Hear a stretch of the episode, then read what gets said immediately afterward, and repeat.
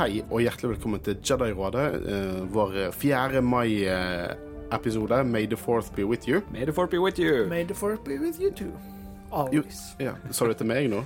Til alle. Ja, takk. Eh, mitt navn er Håkon Øren. Jeg sitter sammen med Favorits? Og Kristian Høgen Aspen. De blir mer tradisjonelle enn det vi pleier å gjøre. Jeg så dere ble helt eh, off-put av det. Ja, jeg, hver, gang, hver gang du liksom sier at vi skal si navnene våre nå, så begynner jeg bare å tenke Hæ? Men det er, sånn, det er sånn jeg som programleder former kreativitet. Det vil ikke gjøre dere klar til noe. Ja, ja, det, gøy, det gøyeste er når vi ikke er forberedt på det. det er da det blir best. Eh, som mange, i hvert fall de som følger oss på sosiale medier, ja, dere som hører på episoden også, har, har fått med dere, så var jo vi eh, i, i London eh, for Celebration 23. Eh, første gang vi var på en celebration. Eh, og eh, i denne episoden så kommer vi først til å bare snakke litt om, om hvordan eh, vi hadde det der, og hva vi så, og bare ha en liten kosesamtale om det. Og så har vi et segment senere med Erik Bull fra Filmmagasinet, for han var jo på pressevisen, han var som del av presse, så han fikk sett alle panelene. Så vi går litt mer konkret inn på hva var ting som skjedde på alle panelene eh, senere. Eh, Det segmentet er faktisk allerede spilt inn, men eh, med magien bak eh, postproduksjonen så kommer det til å se ut som det høres og det kommer etterpå. Men Håvard, du er jo ikke med på, på det, det segmentet. Nei, jeg eh, skriver master og er utrolig travel for tiden, så eh, jeg klarte så vidt å få tid til denne episoden her. Ja, men vi setter pris på at du er. Uh, men vi var på Celebration, gutter. Hva, hva liksom Hvordan går det med post-celebration-depresjonen deres, egentlig? Jeg er egentlig ikke over ennå. Jeg våkner opp kaldsvette og tenker Åh, skulle ønske jeg fortsatt var på Celebration. Har dere fortsatt vondt i føttene? Litt. Jeg, hadde et uh, deilig fotbad når jeg kom hjem. Men uh, jeg, jeg, jeg følte jeg ble veldig mettet når jeg var kommet hjem. Jeg følte å, det var, det var så gøy, og ja, utrolig opplevelse. Uh, eneste jeg i hodet mitt når jeg kom hjem, var jepp, det blir Japan 2025. Ja, de flybillettene svindyre. Nei da, det går sånn. Men vi har lært mye til neste gang. For dette var første gang for meg, og jeg må si at det var en barndomsdrøm realisert. Ja, jeg, jeg tror jeg nevnte det i, siden du allerede har nevnt at vi har spilt inn noe i forkant. Du kommer til å nevne det. Ja, så, så jeg, kan, jeg tror jeg sa at jeg følte meg som en unge på julaften. Ja. Jeg vet ikke om jeg, Eh, jeg husker ikke når jeg sa det. Ja, men det, det er også meg. Det var liksom en sånn Det styrket fandomen min så ekstremt mye at Mm. jeg ble nesten litt sjokkert når jeg kom tilbake igjen, og folk var sånn Når jeg så at Hei, jeg får kritiske til Star Wars? Ja, liksom, når du går inn i der, du vet du er omringet av eh, positive Star Wars-fans. Mm. Det, jeg snakket med et par òg. Det er utrolig mye engasjement der inne. Det, det er bare positiv. Ja, og så må vi understreke at, eh, at når vi sier positiv, så er ikke liksom Vi regner folk som er positive, selv om de ikke liker alt av Star Ja, Wars. jeg er kritisk. Jeg tenker mer at uh, Ja, du forklarer det Ja, bedre. de, de, de, de, ja, kanskje de ikke liker alt, men de er der fordi de elsker Star Wars. Ja. Og det er en forskjell. Uh, så det, det, det bare Det er det var bare li, så litenskap. Og bare på Celebration å bare gå og se på ting når det ikke er så jævlig mye folk på første dagen, så var ikke en av dere som var stuck i bare en folkemengde i sånn ti minutter. Eh, unnskyld, men jeg følte alle dagene var stappfullt med folk. Jeg, det åpnet seg betraktelig be- mer eh, på, på, på lørdagen. jeg følte ikke det. Eh, jeg gjorde det, for jeg fikk faktisk sett ting. det var ikke like ille. Jeg følte at første dagen så var alle som var der, de var bare liksom Å, å, å se på det, å, se på det, å, se på det. Og så ville de se alt, og så var det liksom Det var ikke noe struktur, det bare gikk rundt. Men de neste dagene så var det liksom sånn OK, nå vet jeg hva som er her, nå vil jeg lage en plan og på en måte gjøre det litt Ja, det- mer strukturert. Og jeg følte det Det var like mye folk, men det føltes på en måte litt Ja, det er akkurat det. Altså, Det er det, er, paneler og- ja. det er mest sannsynlig like mye folk der, for, i og med at det var utsolgt, men i og med at du går inn der litt mer i tanken om hva du forventer å finne der, og hva du på en måte ser er på planen, at du føler det liksom føles litt mindre, for du er litt mer jeg vet ikke, kontrollert. Ja. Og jeg tror nok det var mange som eh, innså egentlig det samme som oss. Trenger ikke å være der hele dagen. Det Nei. blir lange dager. Det var uh, det var godt å komme seg ut og få litt luft. Ja, Ja. og eh, det var jo et par dagene der vi liksom bare forlot lokalet og gikk og spiste, og så kom tilbake, fordi du kan uansett ikke få med deg alt, så det er liksom ikke vits å prøve heller. Nei, det er det første du, Du må, må anerkjenne. Du kommer ikke til å få kjøpt alt, du kommer ikke til å få sett alt. Du kommer ikke til å oppleve alt. Du må liksom plukke ut de tingene du virkelig har lyst til, Mm. uh, og prøve på det. Uh, og så har eh, Celebrations uh, Disney Star Wars måtte laget en veldig god app, ja, der du kan se hva som er planlagt for hver dag, og så kan du velge ut det du har lyst til, og lage din egen timeplan. Hvis ikke vi var Disney-shills før, så er vi det i hvert fall nå. Men eh, ja, den appen var helt konge. At Ja. Du kunne markere hvilke paneler du ville gå på, og så fikk du notifikasjon, og det var tre kvarter eller en halvtime til Ja. disse panel. Helt konge. Jeg merket bare at første dagen så var ikke det så kjekt for meg, for jeg har, jeg har sånne gjentagende drømmer at jeg må rekke ting. Men så uansett hvor mye jeg beveger meg, så kommer jeg ikke meg vekk fra der jeg er. Det, det marerittet ble realisert første dagen. For jeg hadde lyst til å oppleve alt, men jeg var stuck fra samme sted, for det var så jævlig mye folk. Eh, men så åpnet det seg opp, sant. Og nei, jeg fikk ikke sett alle panelene. Men en del av gleden er bare å gå. Oppleve det. Ose det inn. Se på cosplays. Eh, jeg må si en av høydepunktene mine eh, var, var bare sånn Gå forbi ting. For eksempel å gå og bare se på, på artworks på den derre eh, art showcasen de hadde der, der du kunne snakke med, med de som hadde laget artwork, og du kunne kjøpe artwork. Eh, det var en av høydepunktene mine. Eh, så det, bare, det var var, så kjekt å være der. Og se at det er så mange andre som også er fan av det du er fan av. Og du tenker liksom Ja, jeg vet ikke, jeg, du har en tendens til, til å gå rundt og tenke sånn Å, vi er verdens største fans, og så kommer du der og sånn Å, shit. Du jeg- blir dvergete. Liksom. Ikke det at du er mindre fan fordi at du lager cosplays, men det bare Du merker at det er så mye forskjellig form av lidenskap der ute. Det var akkurat den kunsthallen. Det var utrolig mye uh, god artwork. Altså. Kjøpte du noe, eller? Nei, jeg hadde egentlig lyst på uh, et motiv der uh, Anakin og Soka er på hver sin Ja, ble det utsolgt, det. Ja, det ble utsolgt. Eh, veldig, veldig bra. Og så hadde de hatt det der eh, Rebels-bildet, som er i slutten av sesong fire. Du har ikke kommet der ennå, Håvard. Eh, så, så vi Jo, han var Celebrations, han så det. Ja, han så det. han, han skjønte ikke hva det betydde. Nei, hvis de hadde hatt det, på en måte Så hadde jeg sikkert kjøpt det med en gang. Men eh, cosplay Fy søren, det er mange kreative og gode eh, cosplays, altså. Ja. Kostymer er helt fan- Ja. Jeg Det ble litt satt ut. Det er liksom så, noen av de utrolig bra gjennomført. det var det som var så kjekt å se, unnskyld. liksom. Fordi du så små jenter som hadde kledd seg ut som Leia, Ja. og du så gamle, gamle menn sikkert, sikkert 70-80-årene som gikk som Luke eller Mm. uh, Imperials. Det alle aldre, alle kjønn, liksom.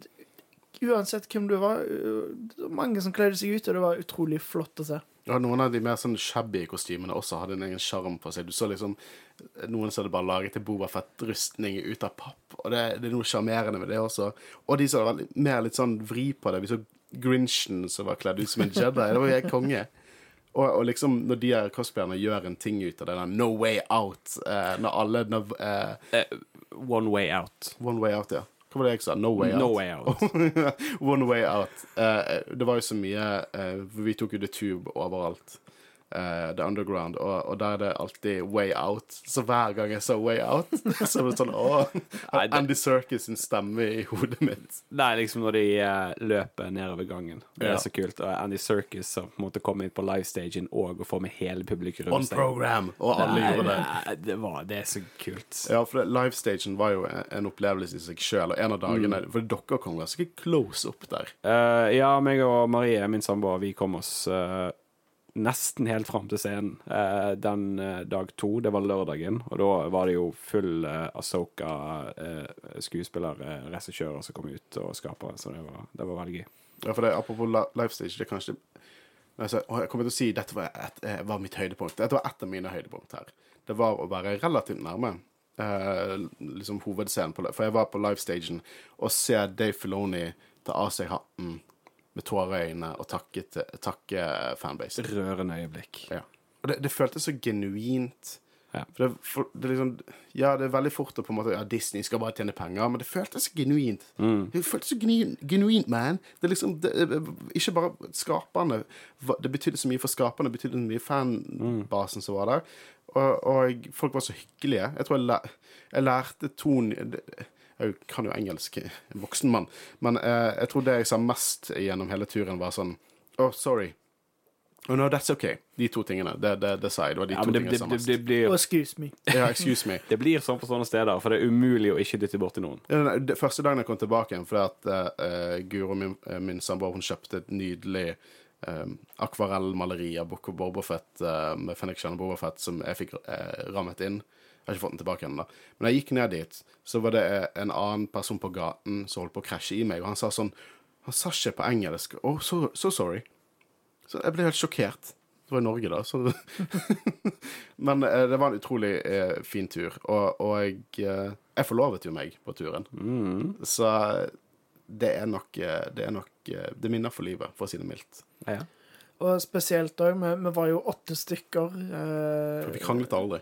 Det var bare utrolig kjekt å fordele den opplevelsen med alle dere, og til eh, Marius og Kenneth og Marlene og Marie som var med. Og Guro. Og Guro. Ja, men ble allerede nevnt at hun var Og eh, det hele den gjengen, bare gi en shout-out en gang til. Eh, jeg føler vi alle var Vi var fantastiske på sosiale medier. Ja, vi var flink. Ja. Hele gjengen var flink på sosiale medier. Vi var delte innloggingen all, med alle som var på turen, og så noe kult, så postet de det. Ja, stort Stor takk til all hjelpen. Mm.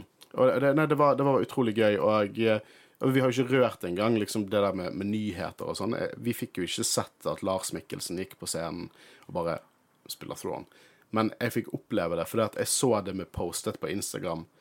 Og jeg, jeg husker jeg så sånn rundt meg Det var flere som bare tok opp mobilen sin og bare sånn Å, Ja, for det, det, var, det var veldig gøy når han og eh, eh, Ray Stevenson kom ut på livestagen og pratet. Det, Så hypet over at Ray Stevenson skal spille i Star Wars. Ja.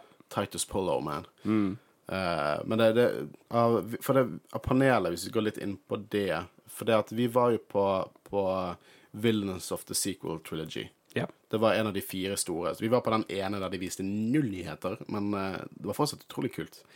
Ja, det var veldig uh, spennende å høre de prate om uh, hvordan de opplevde å være Willens of the sequel trilogy. Og, og Andy Serkis måtte jo røre litt Andor og rollen sin. Det var mm. for stor elefant i rommet. Det var for mye hype rundt Kino Loy, som visstnok skal dukke opp igjen i, i Andor igjen. Så, men det, det er det er kult eh, å, å bare se de snakke om det, og uh, Ian McDermid snakker om Christ, eh, Christopher Lee. Eh, det var uh, utrolig engasjerende å høre på. Og egentlig bare sånn Gwendolyn Christie som snakker om Fasma. Sånn, For det, Fasma hun er på en måte the butt of the joke uh, når det gjelder sequel-trilogien. Jeg elsker jo jeg elsker alt Star Wars, men jeg har jo mine kritikker til sequel-trilogien, jeg også. Og, jeg, eh, og Fasma er en jeg alltid har tenkt liksom mangelpotensial. For jeg elsker Last Jedi, som var- ikke er nytt for folk, men jeg føler kunne gjort mer med karakteren. Men etter å høre hun snakke om hvordan hun satte seg inn i rollen, og hva hun definerte rollen som, så ga det meg nesten en sånn newfound love for Fasma.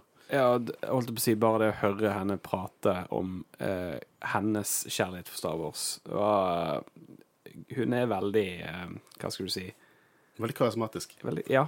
Jeg, det var utrolig gøy å høre på nå. Ja, beste Eh, latteren sånn ever. Beste latteren, og eh, spennende å høre hvor dedikert hun var for å få rollen. Nei, jeg, jeg syns panelet var veldig, veldig gøy. Det var veldig, eh, det var veldig gøy, og det var bare Det, Mm. det, er liksom en spesiell ting å være der, og D. Bradley Baker, liksom Bare han Hele Maren er jo magisk. Vent litt, vent litt, var han der? Nei, nei. Nei, han er overalt. Alle klonene. Så vi, vi var på gameshow. Det var jo gøy. Eh, Det over Hvordan vi kom inn på gameshow. Kan ikke du fortelle det? Egentlig så eh, Vi hadde jo gått rundt en hel dag, og så Det var din siste kveld. Det var min siste kveld, ja, fordi jeg eh, hadde ikke billett til mandagen. Så var det jeg, deg og Marius. Eh, Du og Maria hadde allerede stått i kø for å komme inn der. nei, vi sto faktisk ikke i kø. Vi kom rett inn når vi gikk der, for at det var mye plass. Så jeg tenkte ja. Ja, det var mye plass, fordi eh, vi bestemte oss for at eh, ja, nå var det på tide å ta kvelden. Vi skulle gå hjem og ta en øl i Airbnb-en. Og så gikk vi bare forbi, og så bare geleida de folk inn, og så bare Ja, skal ikke bare gå inn her. og så var det det der gameshowet, og eh, det var jo Det var ikke noen nyheter der. Det var bare en sånn kjekt lite øyeblikk der skuespilleren i Clone Wars eh, svarte på Star Wars trivia, og gjerne Goofet off, egentlig. ja, goofet rundt og gjenskapte stemmer og øyeblikk fra filmene og, og, og serien og sånn. Det var utrolig gøy. Det var så artig. Eh, rett i forkant før dere kom inn, så var det jo karaoke. Eh, da løp jo han der eh, programlederen på scenen han for å gi mikrofon til folk som hadde lyst til å synge musikk som DJ-en spilte av. Og det var så stemning når de på slutten spilte av eh, Don't Stop Believing. Det, og det er så trist fordi at jeg eh, Det er mange som kjenner meg på privaten der ute, som ville sagt at Don't Stop Believing er min signatursang. Så det er litt uh, trist at, eh, at jeg ikke var der. Nei, det var, det var vanvittig bra liv i rommet. Uh, det, det gjør det òg så utrolig mye gøyere. Men det er gøy å høre de Bradley Baker, Matt Lantern og Ashley Eckstein gjenta sine mest ikoniske replikker fra Fra Clone Wars. Eh, og tenk at det er gått 15 år. Ja, det er ganske sykt å tenke på før vi begynner å bli gammel. Du er snart 30 du òg, Håvard. Snart. Ja. Han har noen gode måneder igjen. Ja, er, midt- nå er han midten av 20-årene og et par måneder, så er han 30. Det var sånn jeg tenkte det før jeg ble the big 3-0. Uh, men uh, uh, nyheter Men eh, altså. det, hvordan følte du på å ikke få med deg den siste dagen? Gikk det fint? Ja, egentlig. Eh, det var jo så mye folk. Jeg hadde vondt i beina og sånn, så det var egentlig utrolig deilig å bare kunne slappe av. Eh, og vi kom jo på torsdag. Eh, dere kom jo litt tidligere på dagen, så dere fikk jo tid i London på torsdagen. Men jeg kom på kvelden, og jeg dro relativt tidlig på tirsdag.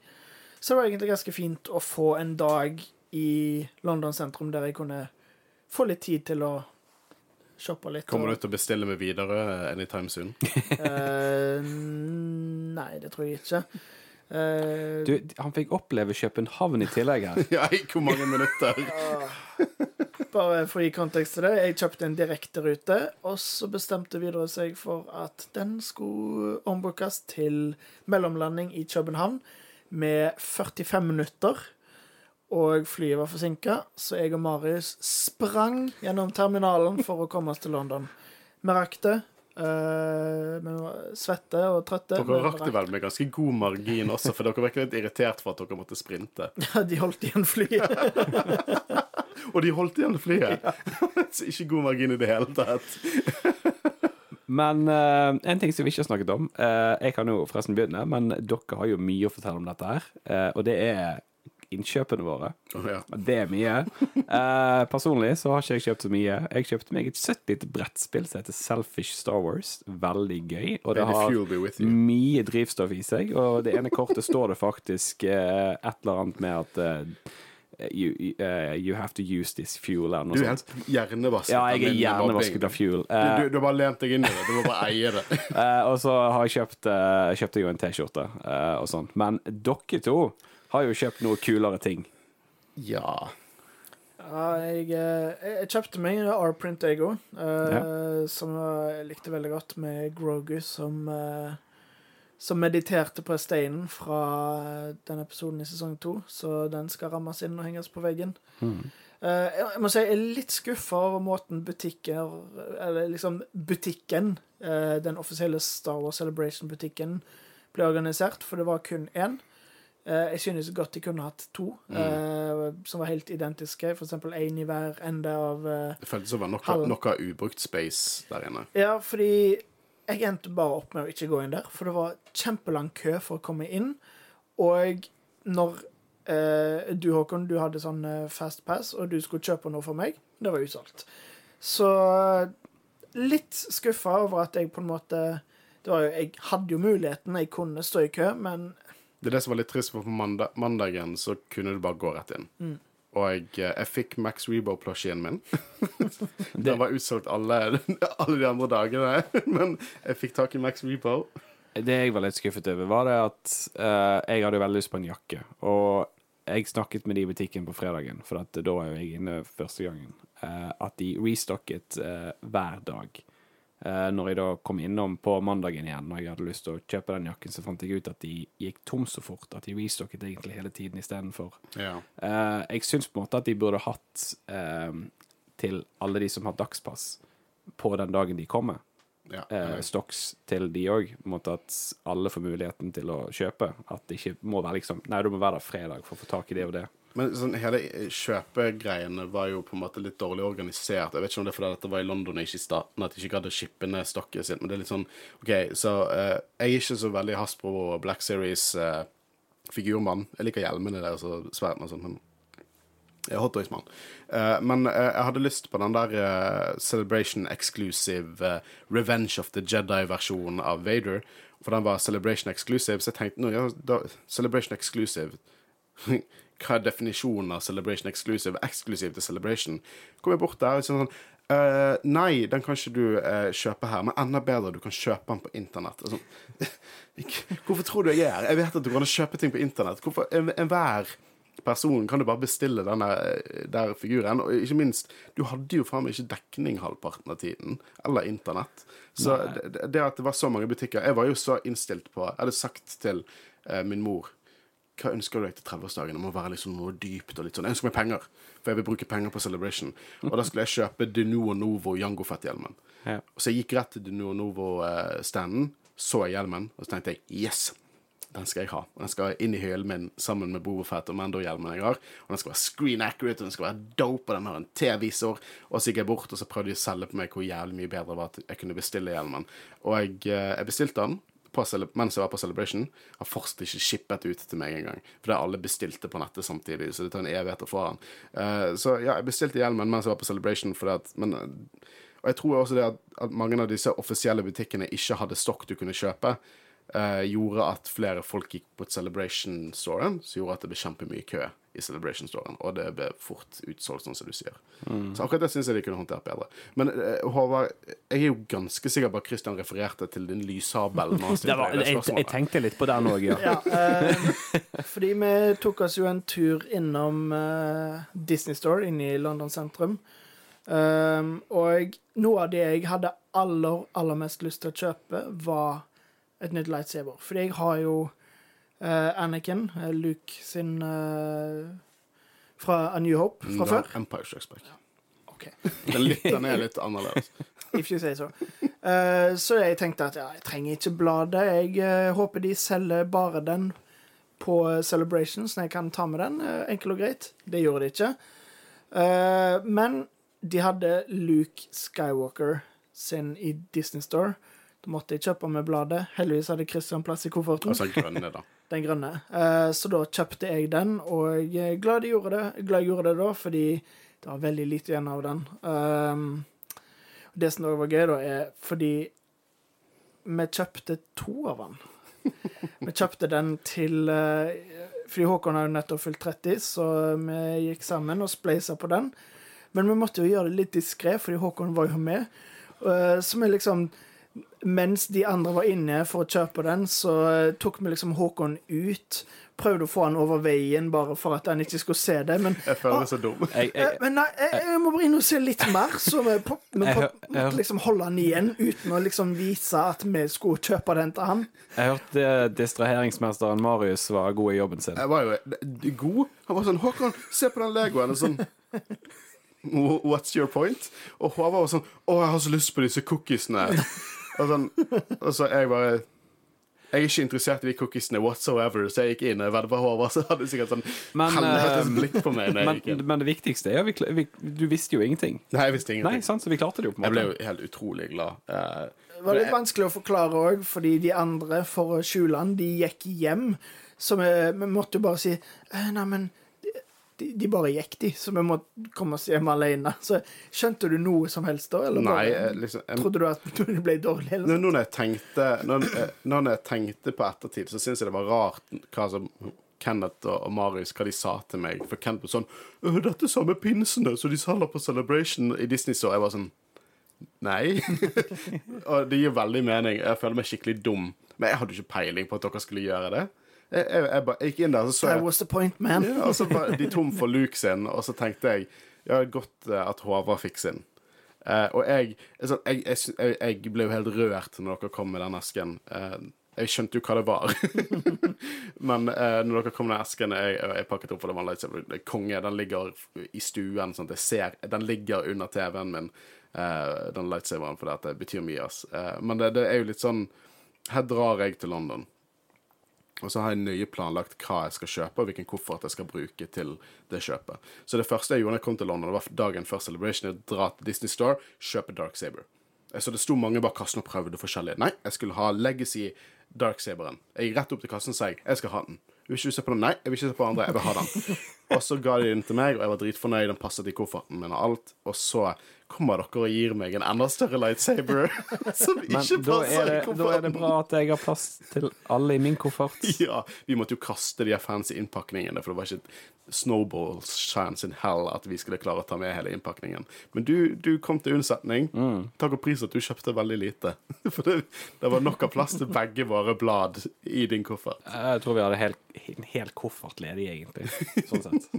Ja, det er deilig å ikke ha så tung bagasje. da. Jeg var mer dritnervøs. Jeg var så, for jeg hadde kjøpt masse artprints også. Masse artprints og hadde denne postertuben min, og, jeg, og hvordan å få alt ned i den kofferten. Har du noen gang vært i London du du var stresset med å få lightsabers med hjem? Ja, de to siste gangene har jeg gått til å få en lightsaber med hjem, så å, jeg, jeg gruer meg allerede til neste gang, Fordi da kommer det helt garantert til å være en ny lightsaber jeg har lyst på. Ja, definitivt. Du mangler jo Nå har du begge uh, Luke sine. Du må jo ha Vader sin også. Ja, det hadde vært fett. Uh, men uh, så jeg, og, jeg og Christian kommer jo til å gå inn på nyheter uh, senere i episoden. Men Håvard, kan ikke du snakke litt om, om på en måte hva du gleder deg til til å se? Hva er det du gleder deg mest til? Ja? Jeg synes eh, James Mangold sitt prosjekt virker utrolig spennende, fordi det er Vi har jo fått for eksempel Andor føles relativt ulikt eh, Skywalker-trilogien, men det er likevel veldig knytta til det. Vi har jo fått litt eh, High Republic-ting, eh, ikke i film eller TV ennå. Så bare det at de gjør noe helt nytt nå Nå vet vi ikke nøyaktig, men i Legends så var det vel 25 000 år før, mm. så om det blir noe sånt Bare noe vi aldri har sett før. Det, bare, det virker utrolig gøy, og jeg setter pris på at de gjør det. Ja, jeg har bare u- utvidet det totalt. For at, ja, High Republic så de begynt å dyppe tærne sine liksom, i ting som er vekke fra Skywalker-saga-æraen. Uh, og det sånn, I Legends så har jo du så utrolig stort timespan med Nights of the Old Republic og Dawn of the Jedi, så også var Legends, som Håvard sier. Uh, men nå at de beveger seg såpass langt tilbake i tid, liksom Folk ønsket uh, Nights of the Old Republic, og så har de fortsatt der, for de viste timeline, og da sa de Nights of the Old Republic. Så jeg tror fortsatt det er en ting de kommer til å gi oss, men at de går tilbake til Dawn of the Jedi, så det kan være weird og wacky og Mytologisk. Ja, veldig mytologisk. Det er veldig interessant, det prosjektet der. Og jeg er veldig spent på eh, hva de gjør med Ray-filmen. Um, det er jo um, Jeg føler i etterkant av eh, trilogien så var det mange som ikke likte Ray. Var vel kanskje hint av det etter hvert òg, men det var utrolig gøy å Vi så det jo ikke sjøl, men uh, blitt fortalt at hun fikk veldig stor applaus, uh, Daisy Ridley, når hun kom på scenen. Og um, det er noe vi har sett bitte små hint av i de Lego-filmene som er lagt. Liksom hva som skjedde med Ray etterpå, men det er jo relativt kort tid etterpå. Jeg vet ikke om det stemmer, det jeg har lest, men at jeg skal være 15 år. Stemmer det? Ja. Ja, det er riktig. Så jeg tror det kan bli veldig kult. Det er kult med så lang timespan, altså. Mm. Så det er, det, den filmen gleder jeg meg veldig Jeg gleder meg til alle prosjektene. For det, vi, Ja, for det skal jo handle om at uh, Ray starter Eller uh, har etablert et Jedi Academy, ja, kan vi si. Så det burde sikkert være noen andre mestere der også. tror dere ikke de drar elementer fra scriptene til Lucas? Uh, de har jo gjort eh, De har jo gjort det innimellom, og vi ser jo noe med Mandoverse, at de Mm. rett og slett adapterer Air to the Empire. Så det hadde ikke sjokkert meg. Eh, det eller at de tar inn ting fra faktisk Legends, for det er mye at mye eh, liksom, Noen av de tegneseriene jeg, jeg gleder meg mest over når på en måte før Disney kjøpte, var jo eh, Star Wars Legacy, som var satt sånn 130 år etter eh, filmene. Nå er jo ikke dette så lenge etter filmene, men Ray er jo en karakter som er født etter uh, Return of the Jedi. Eh, hva, hun er sånn 19 i Force Awakens som er 30 år etter Return of the Jedi. Så eh, hun er fortsatt sånn hovedkarakteren vår er liksom av den nye æraen. Så det blir interessant hva de gjør med henne. Og jeg eh, Vi kommer til å gå dypere inn i det senere i episoden, men jeg, eh, jeg, jeg er veldig spent på den, og jeg er utrolig glad for at, eh, at Daisy Ridley får lov til å komme tilbake, for det virker som hun virkelig bryr seg, hun er glad i Ray. Ja. Jeg tror vi alle òg, vi tre, er på en måte syns den karakteren er bra. Mm. Jeg syns hun og Ben Solo slash Kylo Ren er, eh, de er noen av de ikoniske Star Wars-karakterene. Og eh, ja, vi, vi liksom vi, vi, har, vi, er, vi er ikke helt liksom super uh, over the top kjempehappy med sequel-trilogien, selv om vi for det meste liker det. Eh, men de karakterene var uansett med ting jeg hadde problemer med i noen av filmene der, så er de to karakterene høydepunkter for meg. Så eh, det ble kjekt å se de eh, eh, det hun dukker opp. Jeg tror ikke vi ser Force Ghost av Ben Solo med det første, for jeg tror Adam Driver er ganske mm, ferdig. Men eh, ja, jeg savnet Kylo Ren på Villains of the Sequel Trilogy. Jeg føler det hadde vært kult. Men eh, får fall Kommer, kommer til å være sånn svært maleri av Kylo Ren. Ja, må redeeme seg til de grader. Nei da. Nei, men uh, har vi noe mer å ta med? Jo, jeg har én ting mer å ta med.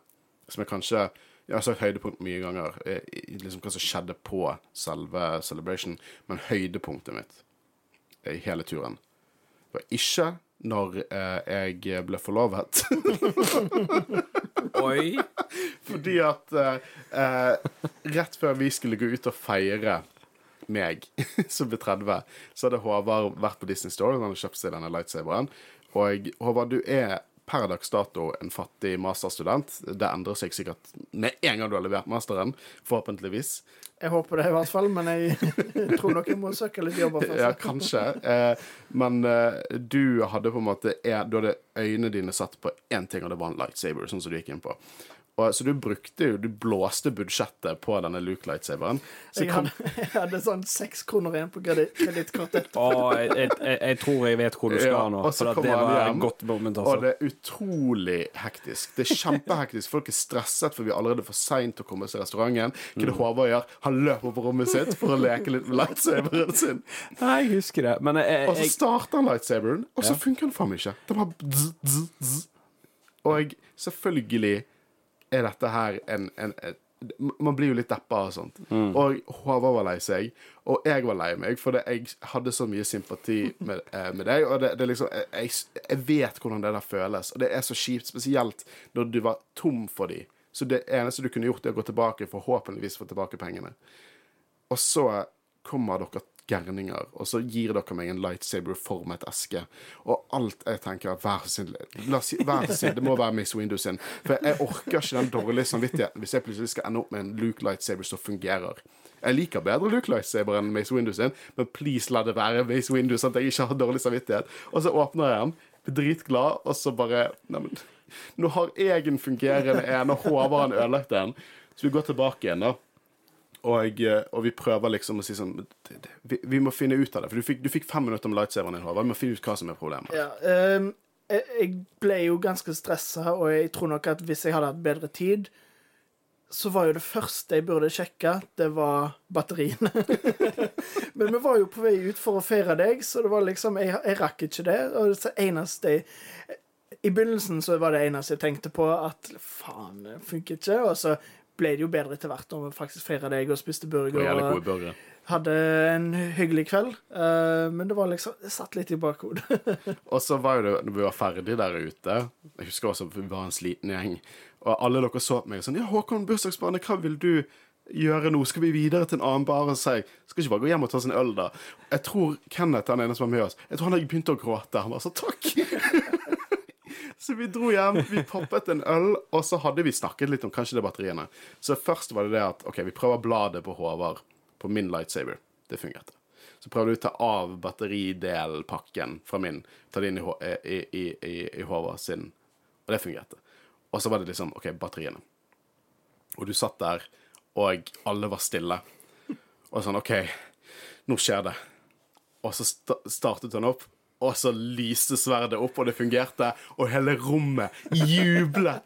Nei, det var, det, var, det var så god stemning når, når det skjedde. Det, det, det er helt enig med deg. Det er en highlight for turen, altså. Så neste dag da kjøpte jeg mine egne batterier og fikk bekrefta at uh, den fungerte, og jeg Du kunne reise hjem. Det er et syn når du har Håvard sprinte opp og ned trappene med en lightsaber og er drithappy over at den fungerer. følte meg som en unge igjen. Nei, det var dritgøy. Det var kjempegøy, og jeg, jeg har lyst til å oppleve det igjen.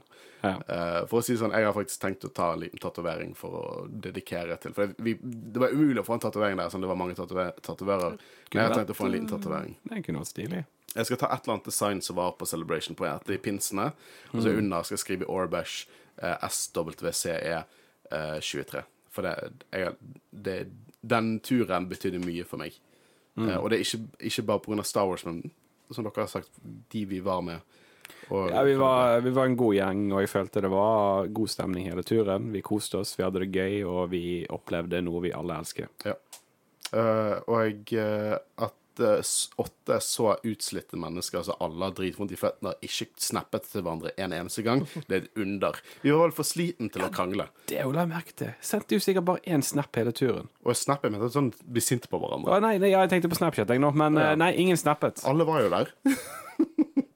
Det var, det var eh, et par støk, folk som var stuck bak i Bergen, som ikke skjønte noe når jeg sendte 'Å, hun sa ja'. Hva betyr det? men, men, eh, men ja, nei, det var ingen som snappet. Ja. Det var, det var bare good vibes. Det ble ikke noe fyllatur. For jeg, liksom, jeg tror de, vi var i seng til klokken 11 de fleste Tror ingen ble dritings. Nei, eller jo, blir jo dritings, vi er dritslitne og ikke hadde spist noe, så tar du én øl, og så er det uh, Nei, du, du merker det, men uh, det var ingen oppkast. Ingen oppkast. Eh, I hvert fall ikke alkoholinntak. Uh, men har vi noen avsluttende tanker før vi hopper inn i, i nyhetssegmentet med Eirik? Ehm, ikke Star Wars-relatert, men jeg fikk endelig opplevd uh, Hamilton, uh, musikalen. Hamilton. Ah, var... Som eh, jeg har hatt lyst til å se bokstavelig talt i snart ti år nå. Mm. Den kom jo ut eh, 2016, tror jeg. Det var da de først viste Det var først da det var på Broadway, men så ble Disney-musikal. ja, nei, men jeg, jeg er ganske sikker på at det var i 2015 jeg hørte soundtracket første gangen, og jeg har hatt lyst til å høre den siden se den det. men Så det, uansett, det var en utrolig kul opplevelse å få oppleve det. Helt enig. Det var Ja. rått. Jeg eh, var jo liksom Jeg liker Hamilton. Jeg har sett den et par ganger på Disney pluss. Men jeg har liksom Jeg har aldri vært sånn fanatisk på det, og Guro, hun elsker det. Hun bare elsker det. Ja, Men eh, jeg må si jeg er så glad jeg ble med på det, for det at holy shit, det var en opplevelse. Ja, det er akkurat det. Det er en opplevelse. Uh, Marie og min samboer hun er jo forguder jo den musikalen. Og jeg personlig er veldig glad i musikaler. Uh, jeg har vært og sett Phantom of the Opera. Jeg har vært og uh, har veldig lyst til å se Lemis. Noen har sagt at jeg synger like bra som Russell Crowe. Ja. Men uansett Take it away. Eh, så hvis du drar til London, Nei, nei, nei, don't miss your shot. Uh, oh, du vil jeg skal synge? Ja, jeg, jeg sa take it away. Jeg sa, nå må du uh, synge over som my Russell. dead body. uh, I hvert fall. det var en fantastisk avslutning på London-turen å Ja. se Hamilton. Det var litt av en opplevelse, dere, som dere to sa.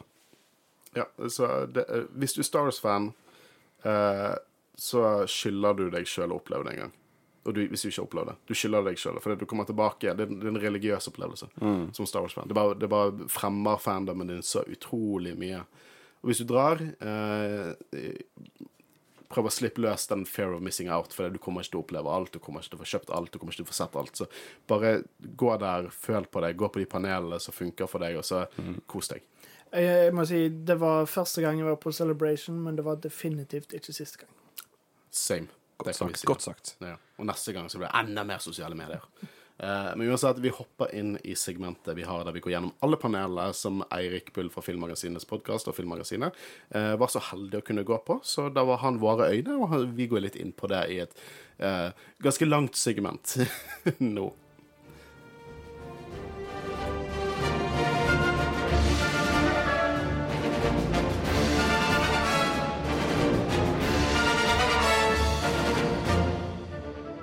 Så eh, vi har jo nå snakket litt om, om hva rådet gjorde på Celebration, og nerdet og, og grått nerdetårer over hvor eh, gøy vi hadde det. Og nå skal vi litt mer rett på sak. Nå skal vi snakke om nyheter, vi skal snakke om de ulike panelene og hva som ble vist der. Eh, og siden eh, vi i Jedi-rådet vi fikk vi fikk én ett panel av de fire store. Og det var ingen nyheter der. Det var veldig kjekt å se liksom The Villains of the Sequel Trilogy. Det var dritfett. Men vi fikk ikke med oss liksom ferske nyheter annet enn på Instagram og Twitter. Men derfor har vi fått gjest eh, i form av Eirik Bull. Eh, eh, du er jo ansvarlig redaktør film, eh, for Filmmagasinet og produsent for Filmmagasinets podkast. Og du har vært her før, så velkommen tilbake. Takk. Og du var så heldig som hadde pressepass til Celebration. Ja, det hadde det. Det henger bak meg. ja, det hadde jeg gjort også. Uh, men uh, før vi går inn liksom, på alt dette store greiene og snakker Star Wars Dette var din første celebration. Det var det. Jeg uh, har jo hørt, fulgt Celebration en god del på over nett, da. Men, men jeg tenkte jo at Jeg kommer aldri dit. Eh, det er bare fordi jeg er fan. Så kommer jeg, jeg er fan av Star Wars og journalist. Så kommer jeg Jeg tenkte, ikke, jeg tenkte da mer som jeg er fan, for det, det var litt sånn høythengende frukt da, på en eller annen, en eller annen merkelig grunn. Så jeg eh, Nei, jeg, jeg kommer ikke dit. Og så ble jeg invitert av, eh, av Disney til å dekke det. Eh, og selvfølgelig jeg måtte jo det. Og det er jo jeg, jeg, jeg på en måte, Hvis jeg har lov til å si det, jeg misunnet deg, men samtidig gjorde jeg det ikke. Fordi at jeg merket en sånn ekstrem fomo, og jeg liksom Jeg hadde ikke bare lyst til å, å få ta, eh, se alle panelene, så se alt. Jeg så lyst til å se alle de fan-kreasjonene som var der. Jeg så få meg en tatovering. Det var en lost cause. Min samboer hun prøvde, det var helt umulig. Mm. Det var så mye som skjedde der. Men det er jeg litt interessert i, bare som en som, eh, som begynner å, kjenne, å bli kjent med deg, fikk du på en måte nyte det som en fan? Nå, ja og nei. Ehm, det er jo slik at jeg Uh, Jeg elsker jo å være journalist. uh, så på en måte så, så jeg, jeg ser på det som Det var det beste av to uh, for meg. Jeg er jo også sånn at jeg ikke er så glad i å være altså Jeg er veldig fan av Star Wars, men jeg er ikke så glad i å være fan, hvis det gir mening. Jeg, jeg involverer meg ikke i diskusjoner rundt, rundt uh, hva som er Ja, hva, hva, hvordan eh, hva, hva Er det riktig at Luke har mistet troen eller drar Jedi? Ikke? Jeg involverer meg ikke i de uh, jeg, jeg diskuterer aldri Star Wars, da, sånn som jeg tror veldig mye fans gjør, og driver og, fan, headcanoner hele greia. Hvis nå lagde jeg et nytt ord, tror jeg. Eh, fornorsket. Eh, jeg, jeg, jeg holder ikke på sånn, da. Eh, kanskje for meg selv så gjør jeg kanskje det, men eh, jeg er ferdig på en måte med å diskutere. Jeg, jeg erklærer mer hva jeg mener om Star Wars, jeg diskuterer det ikke. Eh, så sånn sett så var det egentlig ganske befriende å si at eh, eh, Å bli liksom skjuflet fra panel til panel av presse, presse Eller da Disneys representanter, representanter da. Så så Men jeg fikk gått rundt eh, på, på sett litt òg, da. Eh, Ja, jeg så bilde av deg og Max Rebo, samme Max Rebo. Jeg tok en bilde. Ja. av ja, jeg, så det fordi det, var jo litt fordi at jeg følger, jeg følger jo med på, på sosiale medier, og etter Boba Fett så var det, var det, var det sånn meme som gikk på at eh, Max Rebo lives. Eh, så da var det jeg har funnet ham, han lever. Det, det, var, det var litt derfor, da. Um, og jeg er ikke spesielt fan av Max Rebo, men det var veldig, jeg, jeg merket det veldig da den der, det eksploderte på den der, der han satt og spilte. Men han var jo ikke i rommet største kultkarakteren i Star Wars bare etter Book of Ja. Boba Fett føler jeg bare han eksplodert. De plushiene var jo utsolgt Ja. hele tiden. Den mest populære Ja, altså- varen på Celebration. Og der var han i Det var jo ingen i den Det var ikke en drakt. Det var, eh, det var bare en sånn der eh, figur eh, som de har satt opp i, i real size. Så Men det var litt kult. da Jeg måtte ta Jeg måtte jo på en måte være journalist og bli tatt bilder av. eh, Og, og det er jo en del av det greiene når du er der for å dekke det, så må du jo på en måte bli tatt bilder av en del. Og jeg liker jo ikke så godt å bli tatt bilder av, så Men eh, det er jo en Godt du møtte oss, da, så postet jeg rett på storyen til ja, ja, bra det. Jeg har ikke postet det videre. Så det er bare, bare gjør det. Jeg, bare jeg slipper å se det. Så, men jeg, jeg begynner akkurat som med det å høre min egen stemme på en podkast, så, eh, så, så, så er, blir jeg vant til dette også. Fordi at jeg har jo ikke holdt på så mange år med dette her. Og, og når jeg først er på Celebration, så er det veldig mye å bli tatt bilde av sammen. Jeg ble jo Jeg er jo på coveret til den der podkasten Jeg er på, selv om jeg er på hvert eneste podkast. For vår, podkast, så er jeg på hvert eneste cover omtrent. Uh, men eh, på den der, hvor jeg sitter og dekker hver dag, så var vi og så snakket jeg til han som Thor, som er i Norge da. eh, Var redaksjonen i Norge. Og så snakket vi om hva som hadde opplevd den dagen. Og da på den episoden så klippet vi sammen til en episode, og det, på den podkasten så var jeg, jeg og Din Jarin på bildet. Han sånn der fantastiske cosplayeren. Jeg eh, så det. som, eh, ja. Eh, Vi posa for, den, for det coveret, da. Så, eh, så med sånn alvorlig mine. Og så hadde jeg glemt å ta ut vannflasken fra blazerlommen min. Så ja, ja. Morsomt. Det var, det var, jeg, så jeg fikk vært litt fan, da, eh, også. Eh, men eh, jeg liker meg nok å jobbe med som journalist i, det, i, i den situasjonen der. Mm. Jeg forstår jo deg veldig godt eh, når du sier på en måte den der fan-diskusjonen. og eh, eh, til alle dere som ikke har hørt forrige episode med Eirik, så går vi veldig inn på fandom. Da er det verdt å, å høre den.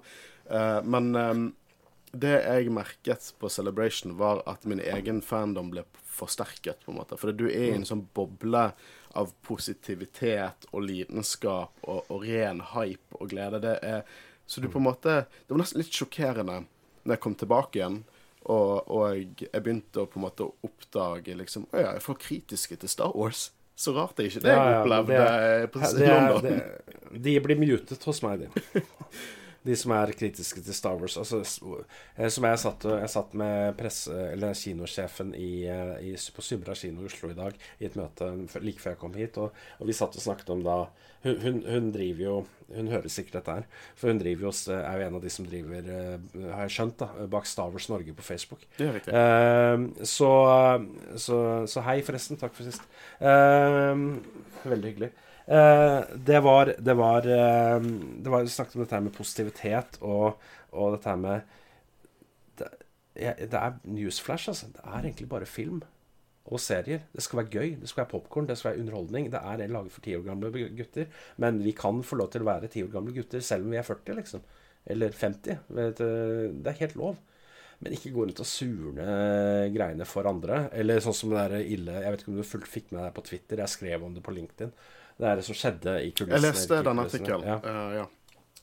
Der hvor, der hvor noen som hadde, en som hadde hatt tirade på Twitter om at de skulle Nå er alle Lucasfilm og Disney-representantene samlet på ett sted. La oss angripe. La oss terror, lage terrorangrep, så vi kan ta alle så de, eh, på en gang. Og så eh, når en må ta take one for the team, ikke sant. Det var, den, det, det var helt forferdelig. Og så har du sånne- du begynner Ja, Så har du sånt, men det verste, det nesten verre, er at du har da sånne folk som eh, så da, Jeg ble suspenda fra Twitter. Det er jo hate speech. ikke sant? Det er, det er, jo, det er, jo, det er jo oppfordring til vold. Ehm, og så eh, da vedkommende hadde visst gått i sånne eh, litt sånn kjente Jeg skal ikke nevne noen her, men eh, liksom toxic eh, Veldig sånn der toxic eh, YouTubers om Star Wars, da. Content creators. For vi vet jo at, at negative skandale ska, Det er jo skandal outrage media. Det, det, det genererer jo klikk, og klikk genererer jo penger for disse her. Um, så de får jo faktisk, blir jo faktisk får mer penger av å være negative til Star Wars enn positive. Så det er så enkelt. Så for å si sånn eh, til eh, For å sitere Yoda See through you, we can. Eh, så Så Så eh, så, så de hadde gått til Han personen hadde gått til noen av disse verste youtuberne som hater Disney, ikke sant? Og, og fått, prøvd å få en signal boost der. De hadde ikke tatt De har visst, så vidt jeg vet, ikke tatt avstand fra fyren. Og det i seg selv er så ille. Men en annen ting er jo da tweeten som kom, eh, som, som kom eh, på eh, mens Star Celebration holdt på, hvor det var et bilde fra Andor-panelet, eh, og på tvers, faktisk, eller sånn eh, av en eller annen merkelig grunn. Og så like nærheten av der jeg satt, faktisk, faktisk ved presse eh, ved, ved sånn seated press. Eh, Det virket som det var nærheten der. Og så sto det 'Where's a mass shooting when you need one'? Det er jo så Det er så unødvendig, og jeg er egentlig bare glad jeg Ok, Sånne ting er at man tenker jo at man, man tar ikke de seriøst, men det er viktig å på en måte ta det seriøst selv om du Ja. tenker at dette her bare er trolling. For man, mm, Det kan ikke være en sånn rope ulv-opplegg med sånne ting. Men det er det, det det sier, da, som jeg, jeg prøvde å skrive på Star Wars Norge eh, og dele, for det var en sånn eh, Across the Galaxy var det som jeg først så det hos, da. Eh, men den videoen ble tatt ned av en merkelig grunn. Den de hadde, han hadde kommentert dette her, han, han er ganske dyktig, eh, har jeg skjønt. Eh, det er sånn YouTube-Twitter-positiv, da. Um, Eh, så prøvde jeg å dele det på Star Wars Norge, da. Eh, jeg tror den ble mellom den fra jeg delte, til den ble eh, Den ble, skulle bli godkjent, da, for alt må jo godkjennes der. Så, så eh, hadde visst videoen blitt tatt ned, så jeg så aldri den dukke opp på Star Wars Norge. Men det jeg skrev der, var jo at eh, det, er alle, det er alle bekker små-prinsippet. Hvis hver gang noen sier Kathleen Kennedy må sparkes, og hver gang noen sier eh, Daisy Ridley er en dust, og, og også alle mulige varianter av alle mulige sånne ting, så er det alle bekker små. Eh, det er greit å være kritisk, men det er alle bekker små. Hvis du er usaklig kritisk og du går til personangrep, eh, så Og ja, å be om at noen skal sparkes, er faktisk et personangrep. Ehm, så, så, så er der alle bekker små, da renner de med bensin. Og det, det er én gærning med en fyrstikk eh, som skal til. Eh, så da, da, går det, da, da tar det fyr, altså. Og tenk deg hva, hva som skjer med fandommen vår når eh, hvis noen eh, Hvis det hadde vært en masseskyting da på Star Wars Celebration. Det, det, for når du fortalte meg dette på, på, på Messenger, så satt jeg og tenkte den tanken da, Tenk hvis noe hadde skjedd på Celebration. Ja. Det hadde jo vært Jeg, jeg klarte ikke å forestille meg det. Så mye folk. Så mye folk. Det hadde vært katastrofe i filmbransjen. Det hadde ikke blitt laget mer Star Wars. Det hadde vært på lenge Du hadde vært så, så skadelig. Du hadde ødelagt livene til så mange. Og Ja, Også fordi de ble Tenk. skadet eller drept eller mistet noen, ikke bare fordi de ikke fikk Star Wars. Jeg bare Ja, tenker det ja. er greit å understreke det. Ja, ja, ja, selvfølgelig. Selvfølgelig. Det var, det- folk, hvis, du, hvis du truer med vold, samme hvilken situasjon du truer med vold i Hvis du truer noen med vold fordi du er uenig med dens meninger ja, altså, det, det, det blir liksom Som jeg sa, det var, det var, det var en, eh, en som sa, med, sa på Twitter eh, Med en gang du bruker eksempel, med en gang den, du bruker ordet woke i en, eh, neg, altså en negativ forstand, og kalle noen woke fordi de ikke, du ikke liker en person, da, da, da skal du ikke ta den personen, eh, den som kaller, bruker det ordet, du skal ikke ta seriøst lenger. Ikke sant? Det er eh, Så jeg, jeg ble For å ta unna dette her først, da. Jeg, jeg ble forskrekket av eh, det som skjedde i den negative siden, det toxic, den giftige siden av fandomen. Uh, så det er derfor jeg har ingen jeg, Det er derfor jeg kanskje jeg er såpass positiv som jeg er til Star Wars. Fordi at det er ingen grunn til å være noe annet. Hvis du ikke liker det, så det er ikke så farlig. Det fins masse annet å se på. Jeg kunne ikke sagt det bedre sjøl. Men du, Eirik. Uh, nå. Nå har, vi, eh, Mm. Ja. nå har vi snakket om det som ikke er så koselig. Eh, som Ja, er- nå skal vi snakke om det koselige. Nå skal vi snakke om det koselige. Så la oss begynne på dag én, og på det panelet som jeg føler er liksom end all, be all-panelet, som ikke Oh, vi var var på, og det var Lucasfilm Showcase. Eh, og jeg går litt i forskjellig rekkefølge her. Nå er jeg bare kjempeegoistisk. Jeg har lyst til å snakke om de tre nye filmene. Oh. Fordi eh, vi får altså tre nye filmer satt i tre helt forskjellige æraer. Du får Dawn of the Jedi av James Mangold. Eh, satt 25 000 år 25 000, Det er riktig ord, sant? Det har vært en lang dag på jobb. Ja. 25 000 år før filmene. Eh, det siste var det siste Legends jeg, eh, ferske Legends jeg leste før Disney kjøpte, var Dawn of the Jedi-tegneseriene. Og at James Mangold lager det, og jeg håper det er rart, jeg håper det er wacky. De tegneseriene var jo mer steampunk enn noe annet. Ja. Det var kuler og samurairustninger. Altså, jeg, det jeg husker, var at jeg, jeg tror ikke det var da, det, så langt tilbake i tid, men jeg husker noe om eh, Ossus Eller var det Ossus? Det var noe sted hvor de red på så svære, eh, svære reptiler og flyvende beist og tegneserier. Tales of the Jedi, var det. Ja, det originale Nights of the Old Republic. Det, Ja, ja. Og der Jeg håper at det blir, det blir Star Wars bare møter gresk mytologi. Altså, det er det jeg håper på. Jeg håper det, Eh. jeg håper det var annerledes. Eh, Ja, annerledes. Det skal være Dette skal føles Altså, det de, det de feiler med, syns jeg, i dette online-spillet eh, Old Republic, som ikke, ikke Nights of the Old men bare det MMO Old Republic, er at det, det er en sånn mash-up av ting som er kult uh, i uh, liksom filmene. Men det er satt 3000 år eller noe sånt før.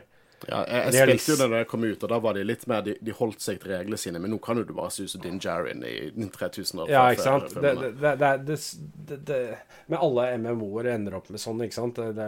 Så Men ja, jeg håper det blir rart. Jeg håper det blir annerledes. Jeg håper det blir som Mangold sier, at det skal bli sånn uh, bibelsk uh, Ten Commandments satt i Star Wars. Hvor du har i stedet for Gud, uh, så er det, det kraften, det er opprinnelsen Vi skal ha The Burning Bush, altså. Det skal være Moses, det skal være Og så skal det være Det skal være sånn derre uh, Starkiller-level uh, force powers. Uh, Og vil du ha Starkiller level force powers, ja? ja, ja, selvfølgelig. Du skal ha, du skal ha havet som skiller seg, altså. Du skal ha, eh, du skal ha sånne ting. Eh, det, skal være, det skal være mytisk. Ja, jeg, jeg er veldig enig. Og vi, jeg, vi drev jo og, og flashet rundt dette her eh, yin-yang prime Jedi-symbolet fra The Last Jedi. Som vi to, Christian, vi diskuterte jo en del av dette her når vi snakket om Mortis-arken i Clone Wars. Um, men eh, men eh, eh, akt to det, det potensielt der vi kommer til å se det. Men nå i, i nye Cannon så har jo de diktert at det er flere på en måte origin-planeter uh, for The Jedi. At Tython, som vi så i, i The Mandalorian, også stor Legends-planet, den er jo på, også en av på en måte de første planetene eh, som Jediene opererte på. Jeg håper vi får se Jedi. ikke? Ja, det er der Jet Titan, det er der man begynner i Old Republic når man spiller Jedi. det. Men jeg, eh, jeg, har, jeg merker jeg har litt problemer med å finne ut hvilke av disse tre prosjektene jeg er mest hypet over. Men jeg må si at Dave Filoni sin, uh, sitt prosjekt, uh, en film som skal konkludere dette som folk har dubbet til The Mandoverse uh, Filoniverse eh, er veldig mer eh, rettere sagt. Jeg husker jo Jeg har sett på podkasten. Jeg vil ha en film som konkluderer det. Men det kommer aldri til å skje, tenkte jeg. Og jeg tror det var du, Christian, så, for du så nyheten før meg og sa det blir film, Håkon. Eller du sa du de hører på Jedi-rådet, det blir film. Ja, ja, det stemmer. Eh, og det er ut av mine villeste fantasier at alt dette her eh, blir, eh, blir eh, konkludert i en film. Nå, eh, nå, nå skal ikke vi snakke noe om, om sesongfinalen av Mando i denne episoden, for at ikke alle i rommet har sett den. Men, men at, at hele den storyen med Asoka da uh, blir konkludert i en film, det er bare Ja. Og bare det at Dave Filoni sa at han var bare excited for å få lage en film, jeg syns det var bare nydelig å se. Ja, den jeg òg gleder meg mest til, men det er ikke den jeg er mest spent på. Vet du hva, godt sagt. Eh, for den jeg er mest spent på, er nok eh, Og unnskyld hvis jeg slakter uttalelsen av regissøren sitt, eh, sitt navn. Sharmin Obaid eh, Shinoi. Hun skal lage en film som Jeg hørte det var litt rykter om det, men jeg kjøpte ikke det i hele tatt. Men en post Rise of Skywalker-film, satt 15 år etter Rise of Skywalker, med Jedi Master Ray Skywalker herself som leder Jedi Academy. Mm. Who would have thunk? Mm. Og er, eh, det er min eh, Det er den jeg er mest gira på. jeg, Jeg digger uh, Daisy Ridley som Ray Skywalker. Uh, uh, jeg syns Ray er en utrolig interessant karakter. Og, se at, og da hun kom ut på scenen eh, Hun ble til alle store Det var Jeg så rundt meg. eh, det var stående applaus. Og, vi, og ja, det var noen som nektet på dette her, husker jeg. Men det er feil. Eh, la, vi kan ta det nå. Det var stående applaus. Folk gråt. Jeg tuller ikke, det var vekkelsesmøte. Folk gråt. Jeg så medlemmer av pressen. Altså, det var helt utrolig. Eh, vi bare så at Jeg hadde tårer i øynene. Det var fordi at den mottakelsen For meg så var det den mottakelsen hun fikk, var såpass enormt positiv, og det føltes så rettferdig.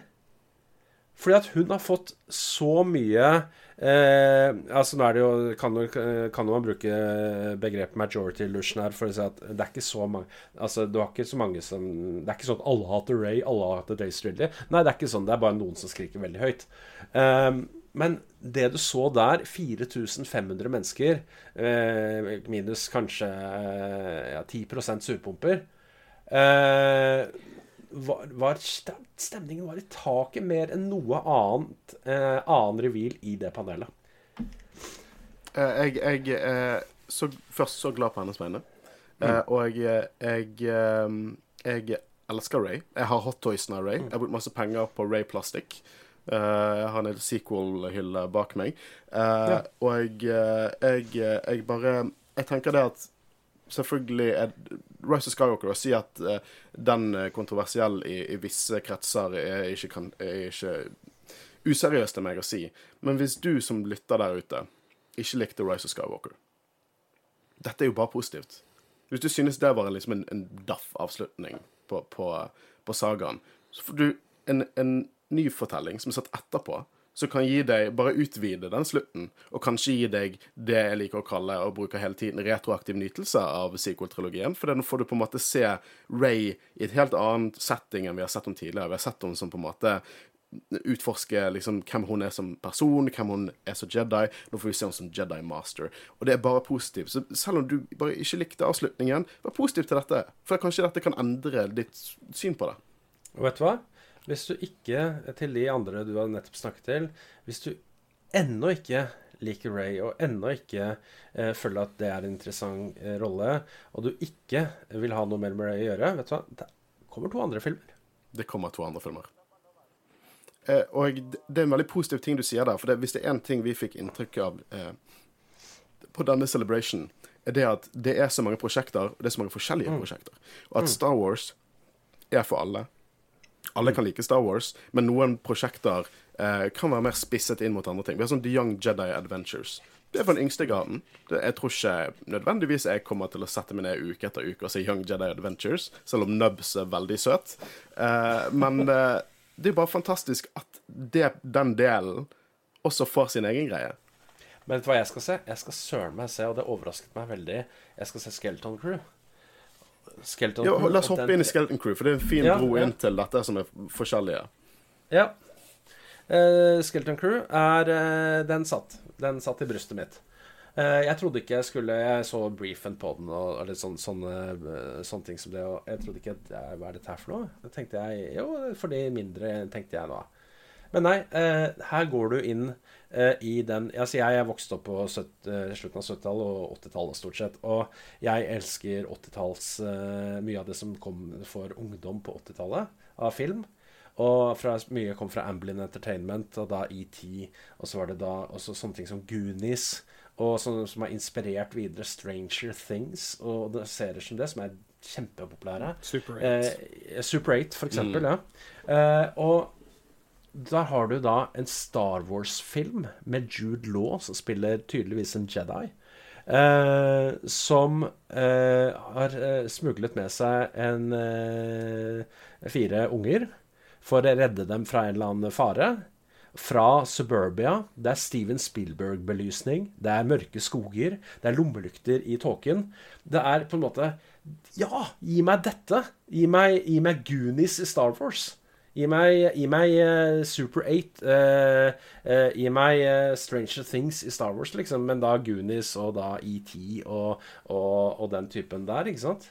Det er det Det, det, det spiller på den typen filmskaping. Og, og det må bare bli gull. Altså, så så bra, den traileren. Var Hvordan de tar Ja, for den så jo ikke vi. Så ut ifra det du kan huske, kan du forklare, fortelle oss litt om traileren? Ja, altså du har en eh, eh, Det som er morsomt, er at det starter i Nå er det litt sånn fussy, men det starter i eh, Suburbia. Eh, eh, altså American Suburbia, eh, hvor du har eh, hvite stakittgjerder omtrent. Altså, og du har sånne Som små middelklassen i Star Wars. Ja, eller ja, ikke sant? Sånne, ja, hvor du ser byen i det, Byen er langt der borte, og så ser du det kommer en bil på natten med sånne headlights og sånn. Bare en speeder, selvfølgelig. og, og, så har du, og så er det noe som skjer, og så er det de våkner opp om natten, og det kommer noen inn dørene, og, og de må rømme da gjennom skogen, og da er det lommelykter da, i, som, de, som de løper med i skogen, og da tenkte jeg Steven Spielberg-effekt, ikke sant? Uh, den, der, den der hvor du har, du har Du har det i Jurassic Park, du har det i Goonies og der. Og så er det disse barna som uh, møter en Jedi som, uh, som blir, det kommer fram at han er Jedi i traileren. Og derfor er han kanskje ikke det allikevel. Eh, og så er det noen etter dem, og så er det en far som prøver å, prøver å finne dem og redde dem. Og liksom, familien prøver vet ikke hvor de er. Altså, du har de det aspektet at foreldrene Ja, ja. altså skal prøve å finne dem. Ja, men Yes. det, det er kult. Og Det, de det høres bekymret. absolutt ut som uh, Goonies, Stranger Things, ET. Ja, ja de, er, de er bekymret. Og så er det noe, en sånn hemmelighet som de, de, de, de tar med Drar på skipet til han uh, Jedien, og så farter de rundt i galaksen. da. Det, det er jo um, Det er en serie, det, ikke sant? Det er en serie, ja. Eh, Ja, men jeg var ja. enig med deg at jeg tenkte Skeleton Crew Mest sannsynligvis ikke min jam. Jeg tror jeg har sagt det på sending også. Men at jeg er veldig glad for at det eksisterer. For at hvis det ikke er nødvendig Jeg skal jo se på det. Vi skal dekke hver episode av det. Men jeg tenkte at det var kanskje ikke laget for meg, men det er bra, for det betyr at det er laget for noen andre. Ja, det er for meg, i hvert fall. Men etter jeg, Jeg hørte For jeg har jo også hørt noe av det du har sagt her om, om følelsen av filmen, og da ble jeg betraktelig mer engasjert i den. Eh, for det høres ut som det er et nytt konsept i Star Wars. Jeg har ikke sett den type storytelling i Star Wars før. Så det er, jeg, er, jeg er utrolig mye mer spent på det. Eh, vi vet den er satt etter Return of the Jedi, rundt Mando-æraen. jeg har hatt rykter om at vi så den piraten Vane. Uh, fra Ja, han er med. Han er med. Det, han var i traileren. Ja, så han stakk fra Mando-sesongen for å bli med i Skeleton Crew, tydeligvis. Også en veldig underholdende karakter. Eh, Og eh, hvis vi skal ta på og um, spekulere litt grann, Lore Santeca, maybe. Ja, men det, det, det en yngre Lord Santeca skulle vel vært uh, høre, høre, hjemme der, ja. ja. Eh, kanskje er det er Jude Law? Ja, at det er Jude Law. For jeg fikk ja. inntrykk av at han ikke vet hva karakteren heter. Han er ikke Jedi, da. Ja, Force-bruker i hvert fall. Church of the mm. Force, så det er jo i, Ja, men han er ikke Force-bruker. Lord Santeca? Hvis, uh, du har ifølge den der Legacy of the Sith eller Shadow of the Sith eller noe sånt noe Jeg har ikke lest hele, da, men uh, jeg får ikke inntrykk av at han er uh, det, Hva heter den boken? Den som er satt Ja, det er der når de Jeg har ikke lest hele, da. Den bygges, det, det, er liksom historien til Lando og, og, Luke. Ja, Lando og Luke. Ja. ja. Og han, Law er jo med der. Og han, han Der ble det beskrevet at han ikke er Force-bruker, mm. tror jeg, hvis jeg husker rett. Uh, han er eh, derimot eh, Han er en eh, han er, altså Akkurat som han, han er, som spilte Donnie Jen i Rogue One. Uh, han er jo ikke Force-bruker, men han jo tilber jo kraften for det. ikke sant? Det er jo litt omdiskutert om, om, om han, han, på en måte er force sensitive. Da. Han, han kan jo mm. se kraften bevege seg. Men uh, jeg bare har Og det, det, var, det, var, en hard lekse å lære. For det, i Legends, liksom Canon i Legends var jo du måtte ha et Excel-dokument pluss litt headcanon for å finne ut hva det var mm. som gjaldt. Det var sånn George Cannon og mm. Eh, ja, alt nedover. Uh, så jeg har jo vært litt sånn streng uh, på, på storygroupen nå. Uh, jeg har diskutert hvorfor de lightsaberne i Clone Wars sesong 7 blå. De var ikke blå i boken. Kristian uh, Håvard er lei av meg som påpeker sånne små, egentlig ikke viktige feil. Men um, Retconning går jo hånd i hånd med, med Star Wars. Men eh, nå, skal sant skal sies er at Lord Santekka er det, det er på en måte internettet som uh, rumler. Mest sannsynligvis er det en helt ny karakter. Ja, jeg, jeg, jeg, er eh, fornøyd med begge, og jeg hadde ikke hatt noe imot om uh, Lord, Santeca ble, ble uh, rettkonna til å være en Jedi. Kanskje en tidligere Jedi.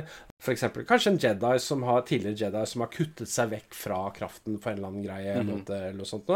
Kan være det. Jeg er ikke så veldig nøye på det. Jeg er jo ikke en person som arresterer. Ja, men det stemte ikke med det. Jeg er ikke sånn. Jeg syns det er uh, Jeg trenger ikke å vite hvorfor C3PO har en rød arm, f.eks. Uh, um, jeg, jeg, jeg, jeg, har behov for å påpeke det, og så kanskje ja. drøfte litt på hvorfor det blir gjort sånn. Mm. Og så av og til tar de på at den endringen synes ikke jeg er viktig. Jeg husker i The Bad Batch. Der endret de litt på Kanan-tegneserien. På sånn Time of Day. Mm. Og da husker jeg at de endret fargene på, på Clone Trooperne. Og det skjønte jeg fordi at de gjør et poeng senere i episoden om at det er liksom uh, uh, Coruscant Shock Troopers på Camino, og de er jo mm. røde. Så for en som ikke er like opphengt i detaljer, men fortsatt fan av Star Wars som meg, så hadde kanskje det vært forvirrende at de påpeker at det er røde Clone Troopers mm. senere i episoden, og det var det tidligere i episoden uten at de sa noe. Så det er en sånn canon som krasjer med litt filmteknisk yeah. uh, storytelling, rett og slett. Men det er jo også veldig gøy, det er gøy å pirke litt i det. ja, det er derfor altså, dere har en uh, eh, podkast om Star Wars. Jeg, jeg, vi, jeg, jobber med film og serier sånn generelt. Jeg kan, hvis jeg hadde vært så pirkete i alt jeg ser, så hadde jeg blitt gal og lagt inn, antagelig. Så det er uh, jeg, jeg, skjønner jo det at, uh, at, at dere kanskje går mer i dybden på sånne ting. Men jeg tror veldig mange fans uh, trenger å lære seg å slappe litt av og bare ha det gøy. Så Enig. Enig. Kristian, uh, har du noen tanker om uh, Skeleton Crew? For vi har ikke snakket så mye om den serien, egentlig. Nei, egentlig ikke. Jeg gleder meg egentlig til den. kommer nok til å se Jeg ser jo alt av Star Wars. Ja, vi, altså, jeg, jeg, jeg, tvinger deg. nei, nei, ikke fordi du tvinger meg. Jeg har jo til og med sett mer enn deg. Du har det, for du så ferdig Resistance. jeg har sett Resistance, mm. det har ikke du. Nei, så jeg, når det kommer til TV-serier og filmer, så har jeg sett mer enn Håkon.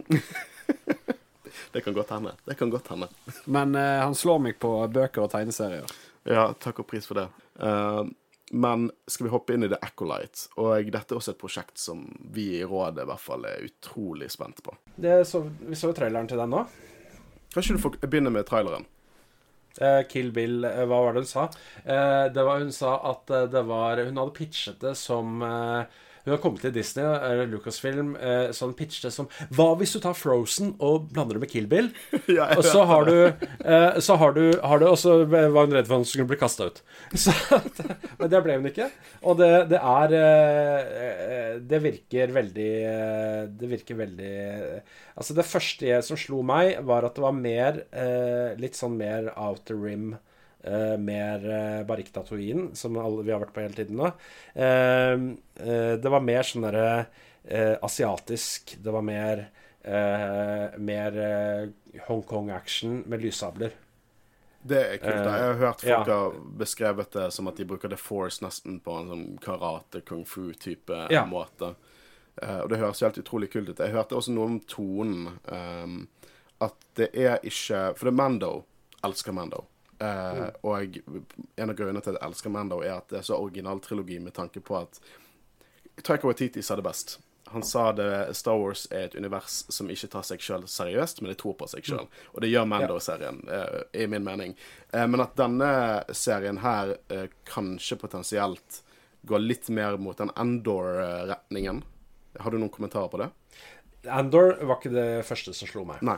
Eh, nei, dette er Kill Bill. Uh, dette er, det er mørkt, det er okkult, uh, og det er, det er mye sverd. Mye kamper, mye karate, jeg kung fu. Det er Daphne Keen, som jeg faktisk har intervjuet. Hun er med der. Hun er kjempekul. Og så er det jo hun fra som jeg, Nå falt hjernen min ut, holdt jeg på å si. Hun fra Matrix. Um, Ja, ikke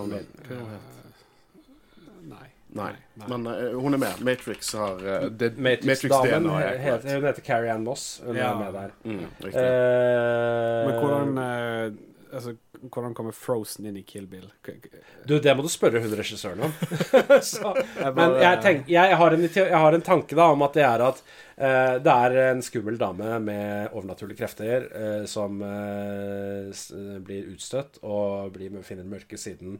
Bare at det er ikke is, og istedenfor is og snø og en litt snø, liten sjarmerende snømann, så er det røde lyssabler og drap.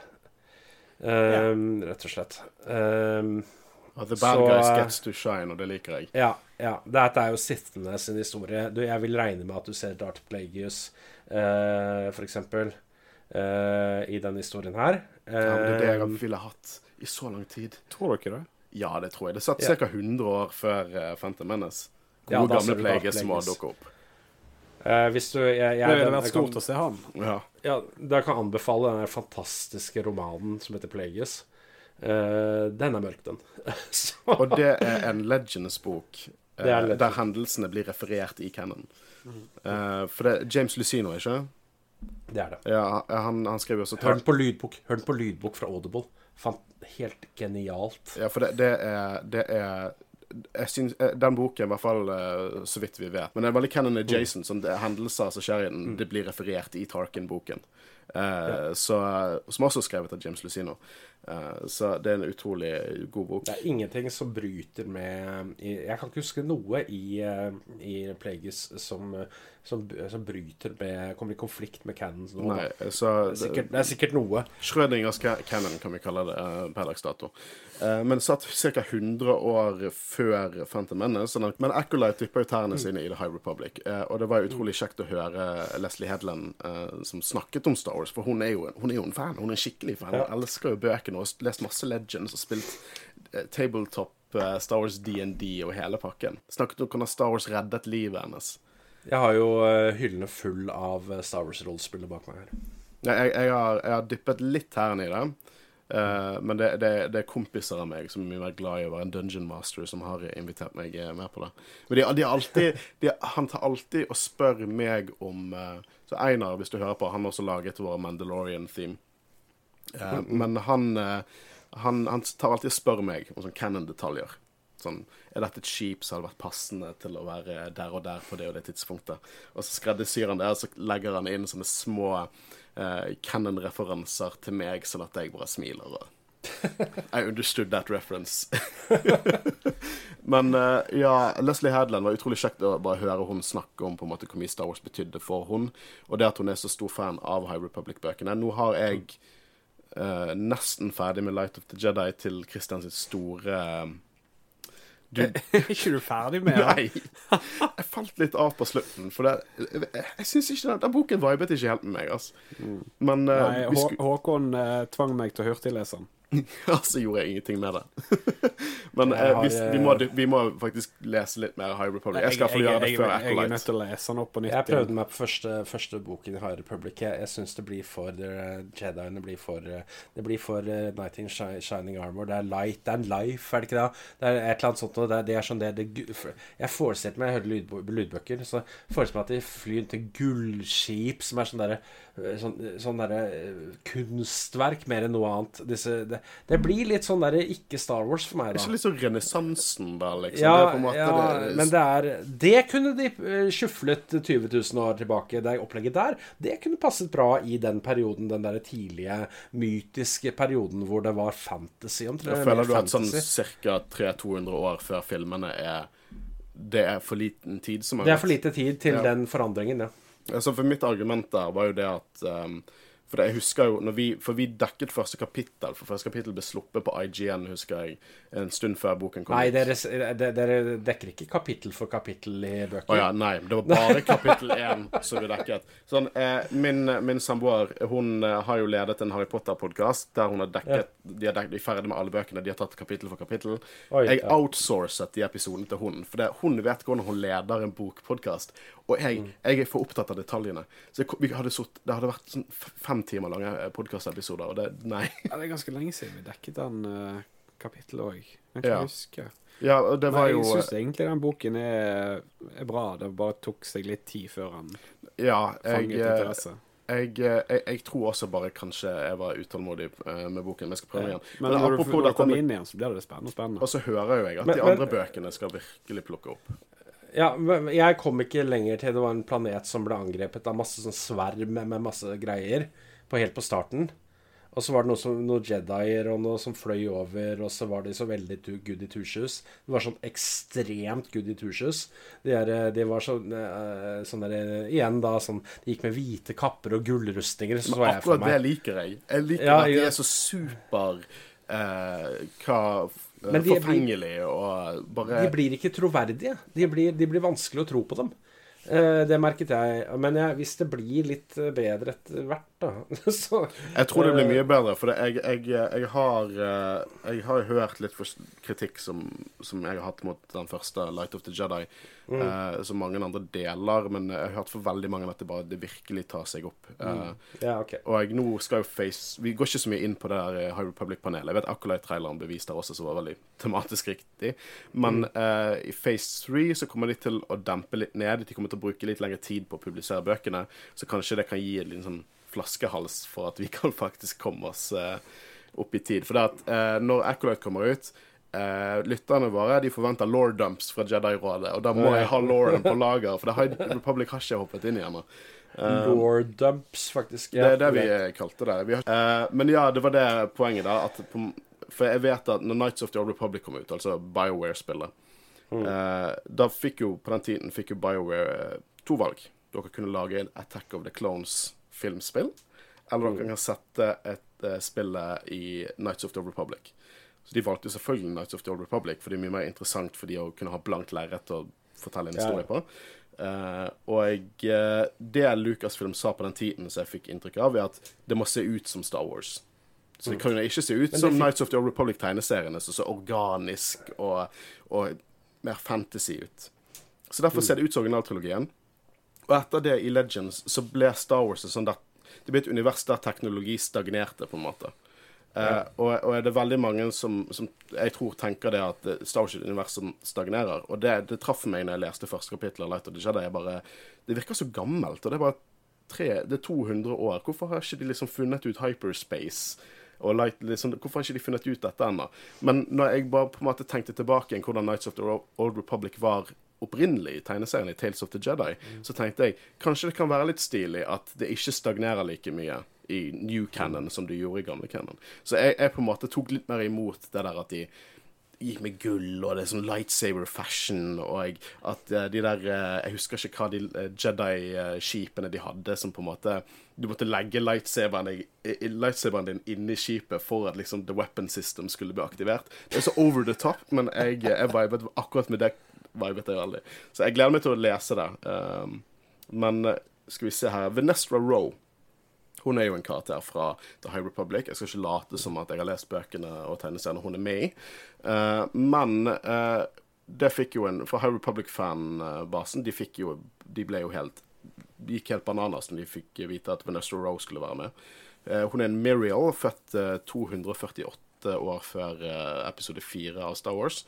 Um, og jeg måtte finne litt ut om sånn Mirial eh, lifespan, for de kan visst leve opp mot 200 år når de har The Force. Så uh, Og serien er satt sånn 100 år før Phantom Menace, så ja, det checks out. Så det blir interessant. Jeg gleder meg til den. Uh, og jeg liker at uh, de sa også det at it's not about the good or bad, it's about power and those who wields it. Og at det er liksom fra skurkenes perspektiv. For det Jeg savnet det litt i, i mainstream canon, altså serier og, og, og, og, animasjon og filmer. I bøkene så de, de går fullt inn på det. liksom Vader-tegneseriene syns jeg er helt konge. eh, I hvert fall mesteparten av de. Uh, men at hvis de viser en liksom mørk uh, Star Wars-serie live action sett fra sittende sitt perspektiv, ja, det, jeg, er så, jeg er så on board med det. Jeg gleder meg kjempemye. Eh, men når den kommer ut For de sa 2024, sa de ikke det?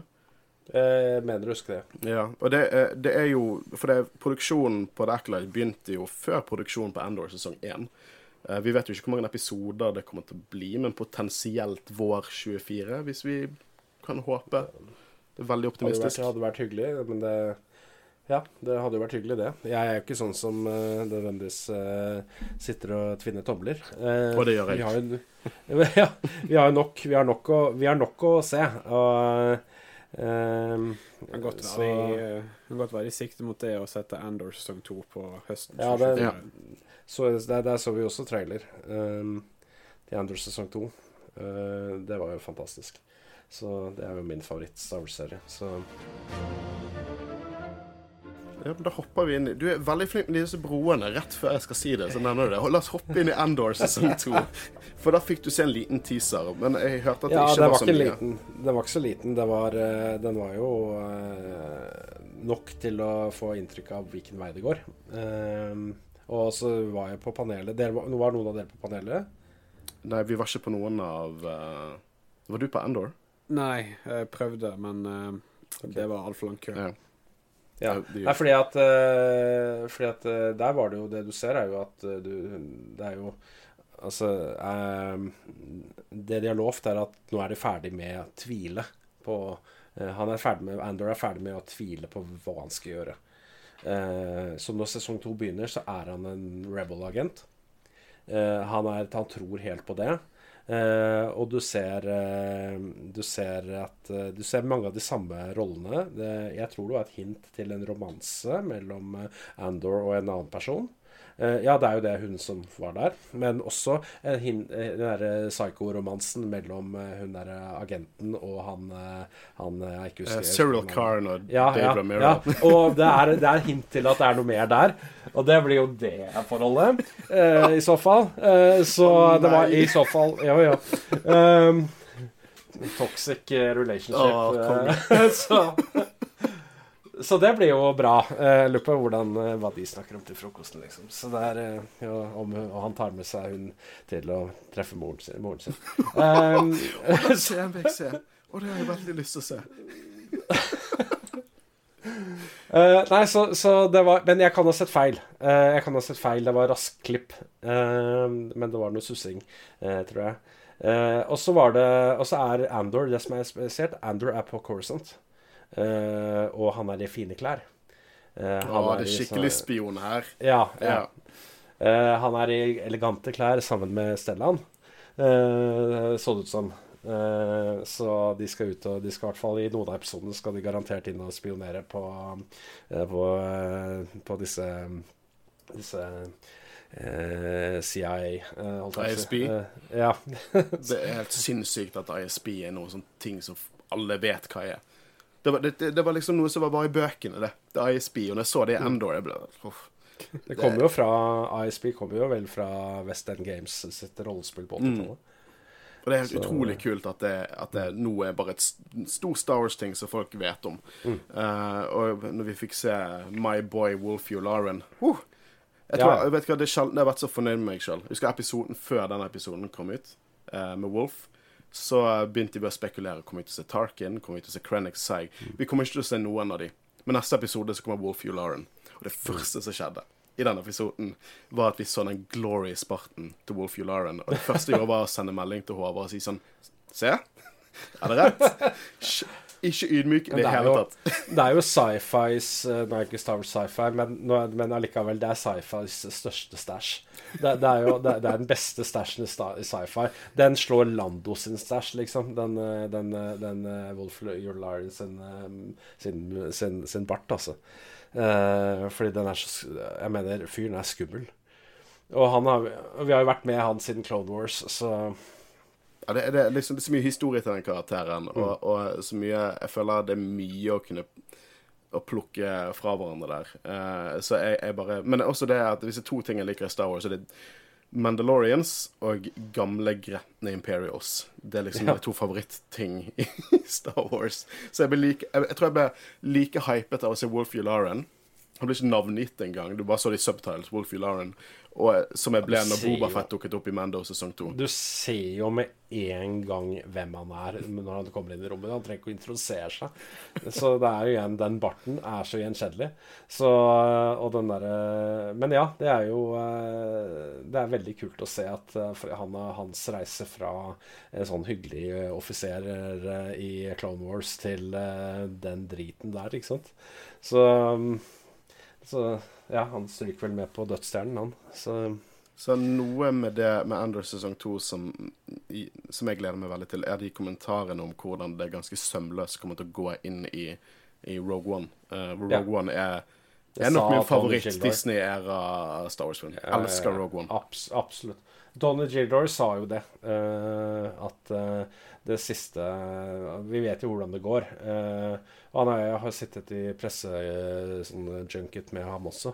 Og han sa jo da at det siste scenen i den siste episoden av sesong to er bygget sånn at neste scenen ville vært den scenen du ser Andor i i Rogue One. Ja, for det, det er det jeg ville. Jeg ville at i slutten av Endor så skal han være på Rings of Kafree for å møte Ja. en informant. Men det er bekreftet. Ja, men det er helt nydelig. Vi vet jo det at uh, De kalte jo Endor sesong 1 hans uh, liksom rebel-opprørerskole. Hans utdannelse. Og nå, som du sier, vi ser han som opprører i sesong 2. og jeg, jeg har hørt det at det kommer til å være en sånn tre-episoder-struktur. Litt strammere denne sesongen. Og at hver av de tre episodene satt, dekker et år cirka. Og kan også, nevne- ja, det er riktig. Og så kan også jeg eh, da så å si bekrefte da at eh, Jeg kan bekrefte at uh, Andy Circus er tilbake i sesong to. Ha. Ja, det har de publisert. Som Kino Loyal, liksom. Ja. ja, Ligger på nettet.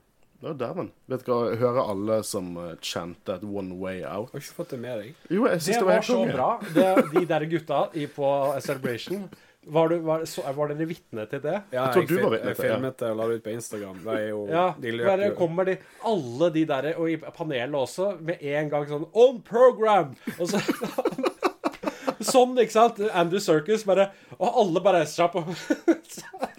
Men det var veldig gøy når Fantastisk. For for livestagen òg, når han kom ut der som eh, gjest, så eh, begynte jo publikum, og Andy Circus var jo med hele veien. Han, yeah. De begynte å rope 'One Way Out', hele gjengen. Det var, Men altså, han han, han virkelig lever for den replikken. en av dem som løper rundt med en badering. Ja. Å, de detaljene. Folk er så sinnssykt kreative.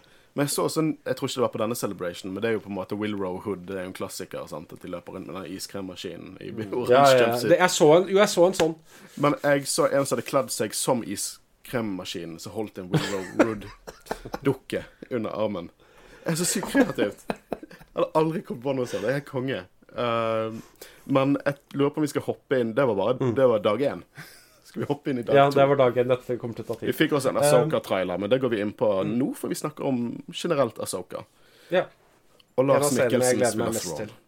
Ja, Mats Mikkelsen, han kom ut Nei, ikke Mats, men uh, Lars. Ja. Uh, han kom ut på scenen eh, og til stor jubel. Og den Vi så jo den traileren som var litt lengre, hvor du ser at, eh, at eh, på Asoka-panelet at du ser eh, han, ansiktet hans. For du så bakhodet i den traileren som ble Ja, vist ja. til alle. Og den litt lengre traileren, da ser du han snur seg, og så ser du at det er Lars Mikkelsen. Det er, det er akkurat det jeg ville ha. Å, det var det jeg ville ha. Når folk begynte å, sånn, folk begynte å mene at Robert Downey jr. for en eller annen Nei, nei, grunn nei, skulle spille nei. Og du må Nei. ha den stemmen hans Ja. fra Rebels. Fy fader, han er så bra i den rollen. Det var vel bare uh, tynne rykter. Men altså, folk var jo Benedict Cumberbatch. Er sånn, hvis Lars Mikkelsen bare ikke hadde eksistert, så hadde jeg kanskje kunne søkt Benedict Cumberbatch. Bendik men Lars, gjort Lars Mikkelsen, gjort jeg vil ha stemmen. Ja, ja, ja. Uh, Bendik kunne gjort det fint, uh, men uh, igjen, eh, det Dave Filoni er veldig dyktig på, er å trekke inn ting fra animasjon. og trekke inn, for trekke inn da f.eks. Disse, disse figurene fra Rebels, f.eks. Og jeg er jo så fan av Rebels. Det er min favoritt av animasjonsseriene. Um, Ja, min også. Uh, og jeg liker uh, alt som lukter Lothal. Da er jeg veldig, veldig fornøyd. Uh, og se f.eks. Lothcat i, i Ikke bare ikke, den, Jeg så den første gang i Mandalorian. Og se dem i live action. Det var sånn OK, nå er vi her, ja. Dave Filoni trekker ting, detaljer, fra animasjonsseriene sine inn i live action. Dette er starten på noe. Så jeg bare grep Jeg husker jeg så, så den episoden Lothcat for første gang i live action. Jeg bare grep jeg tak i kona som satt ved siden av. Så da var det sånn der fangasm for meg. Um, og da ser jeg den og ser bare at nå er, vi, nå er dette her normalt. Nå er dette Dave Filoni. Han, han, han bare trekker inn alt, han nå. Um, så det var, ve- er veldig kult å se hele gjengen komme tilbake i, eh, i live action i Asoka. Altså. Og jeg, det ser ut som en sånn mytisk Nå er det The Force som er og på en World god between måte. worlds, og de går dypt Ja, ja, elsker det. Elsker det. Uh, og nå er det da uh, Nå er det The Force og det mysteriene rundt det på en god måte. Ikke Bad Guys som i Acolyte. Uh, jeg gleder meg mer til Asoka enn Acolyte. Som er Men jeg gleder meg til alle. Så, som er da i fokus. Jeg vil gjerne få fortsettelsen av den derre når de står på plattformen, har sett på det der veggmaleriet av gjengen i Rebels, og så går de ut for å finne Ezra. ikke sant? Jeg vil ha fortsettelsen, og det får vi nå. Jeg tror vi også, når du sier det Jeg tror vi faktisk får uh, sekvenser som leder opp mot det. For vi ser jo Sabine med langt hår, så jeg tolker det som at det, er satt For Dave Filoni har jo spe spekulert. Liksom Kanskje hendelsene i Mando sesong to er satt før epilogen i Rebels uh, fina- sesongfinalen. Uh, at det leder Ja. opp til det øyeblikket. Uh, ja, med å se romskipene fly over det tårnet, f.eks.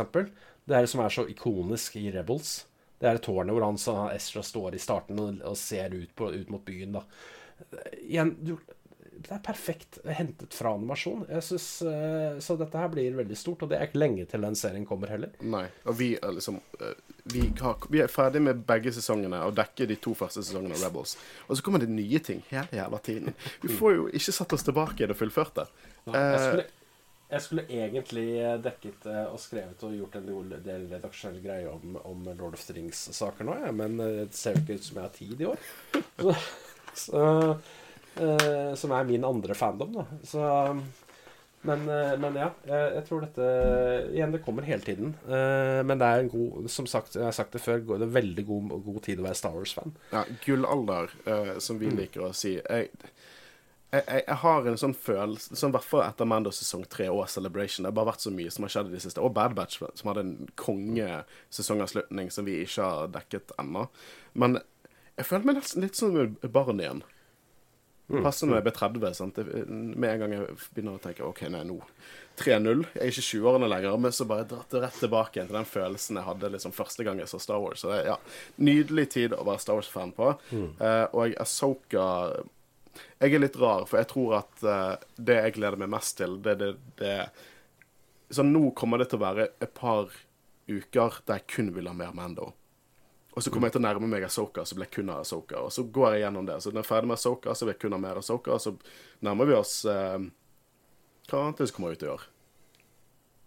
Men nei, bare for, fall, for Skeleton Crew eller Acolyte, whatever. Jeg, jeg, nytt og shiny, i hvert fall når alt av dette her er så bra, i min mening, så Tror du bare Sokas har premiere i år. Det er greit. Jeg har faktisk, jeg har faktisk Lord of the Rings-ting jeg, jeg skal igjennom. Det er 40 års, 40 års nå. Se hvordan Star Wars smitter. Altså, det er, det er 20-årsjubileum for Return of the King, som er min favorittfilm. Uh, og, og det skal Det er mye, mye å hente. Jeg må bearbeide en del av de greiene fra New Zealand jeg var før, før jul.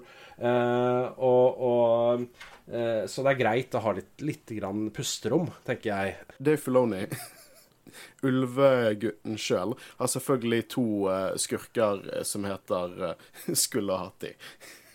som i ulvene fra noen mytologi.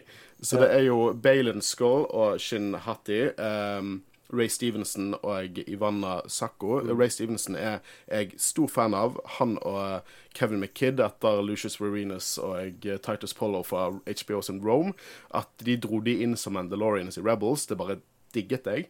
Uh, vi får selvfølgelig ikke mer Gar Saxon fordi at uh, han uh, Død. Han fikk en lightsaber i brystet, men, eh, men eh, jeg har fortsatt håpet for at uh, Fenn Rowell kommer til å dukke opp eh, i et eller annet Filoni-verk snart.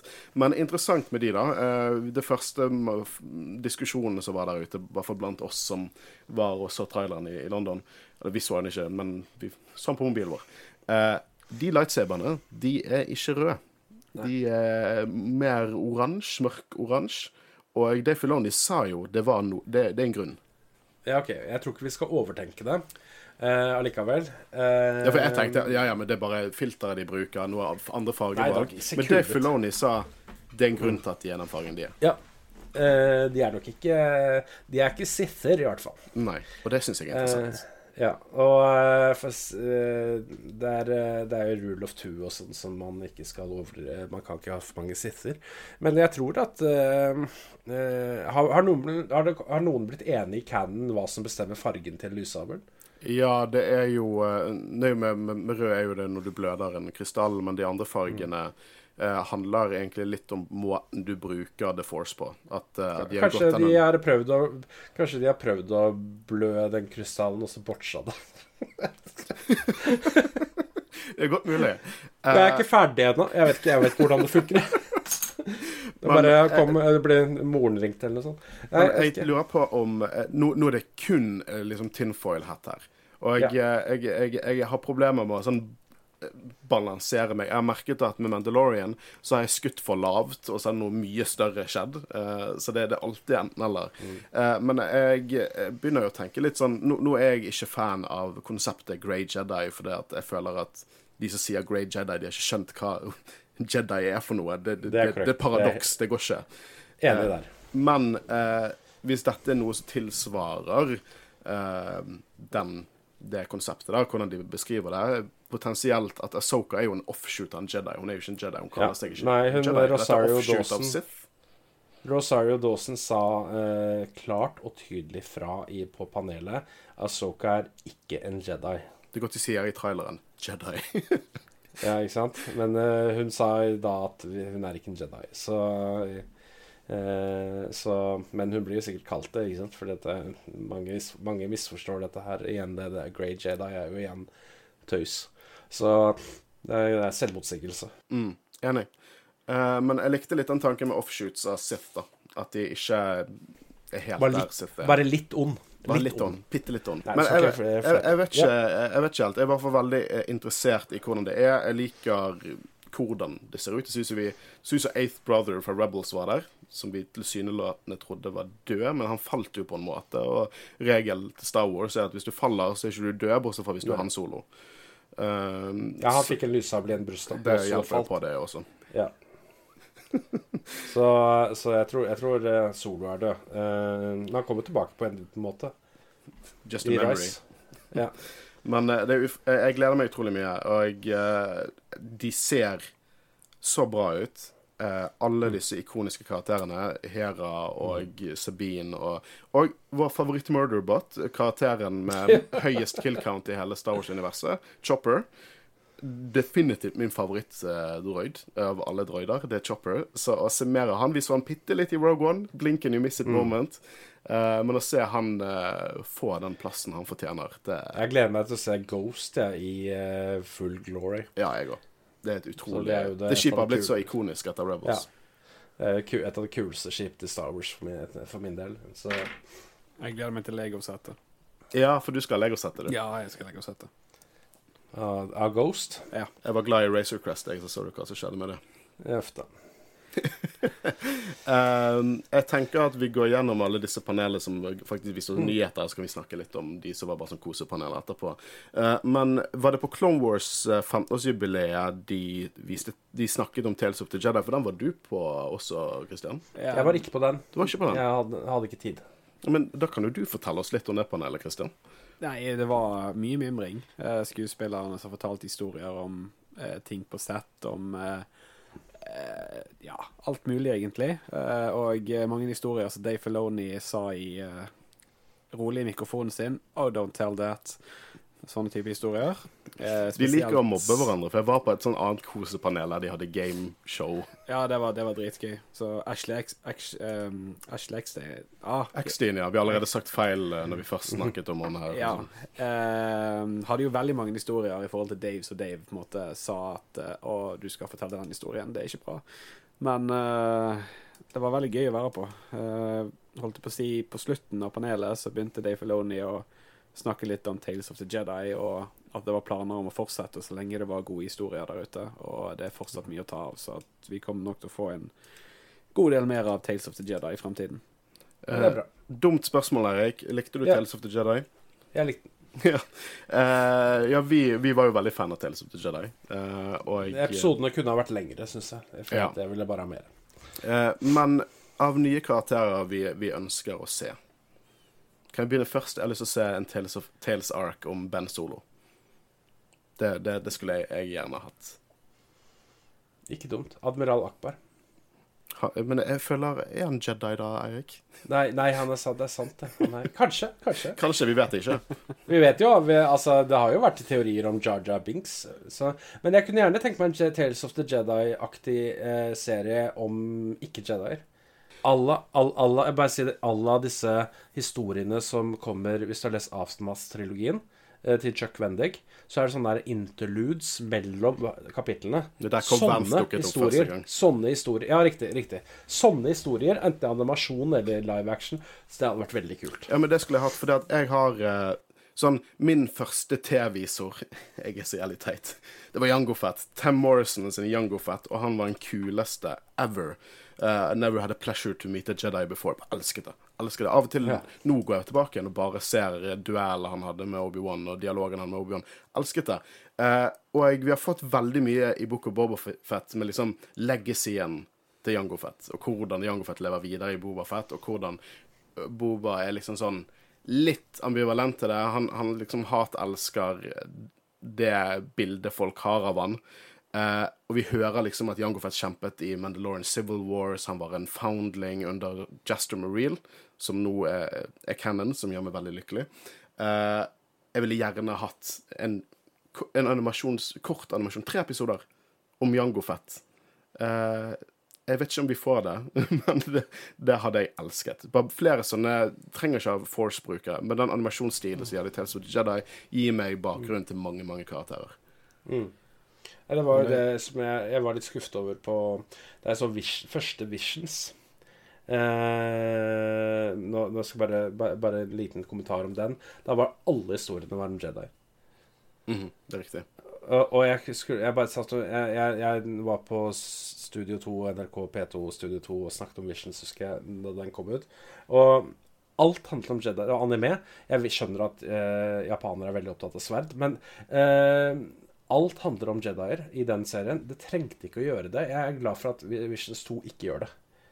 Så, eh, så ja. Mm.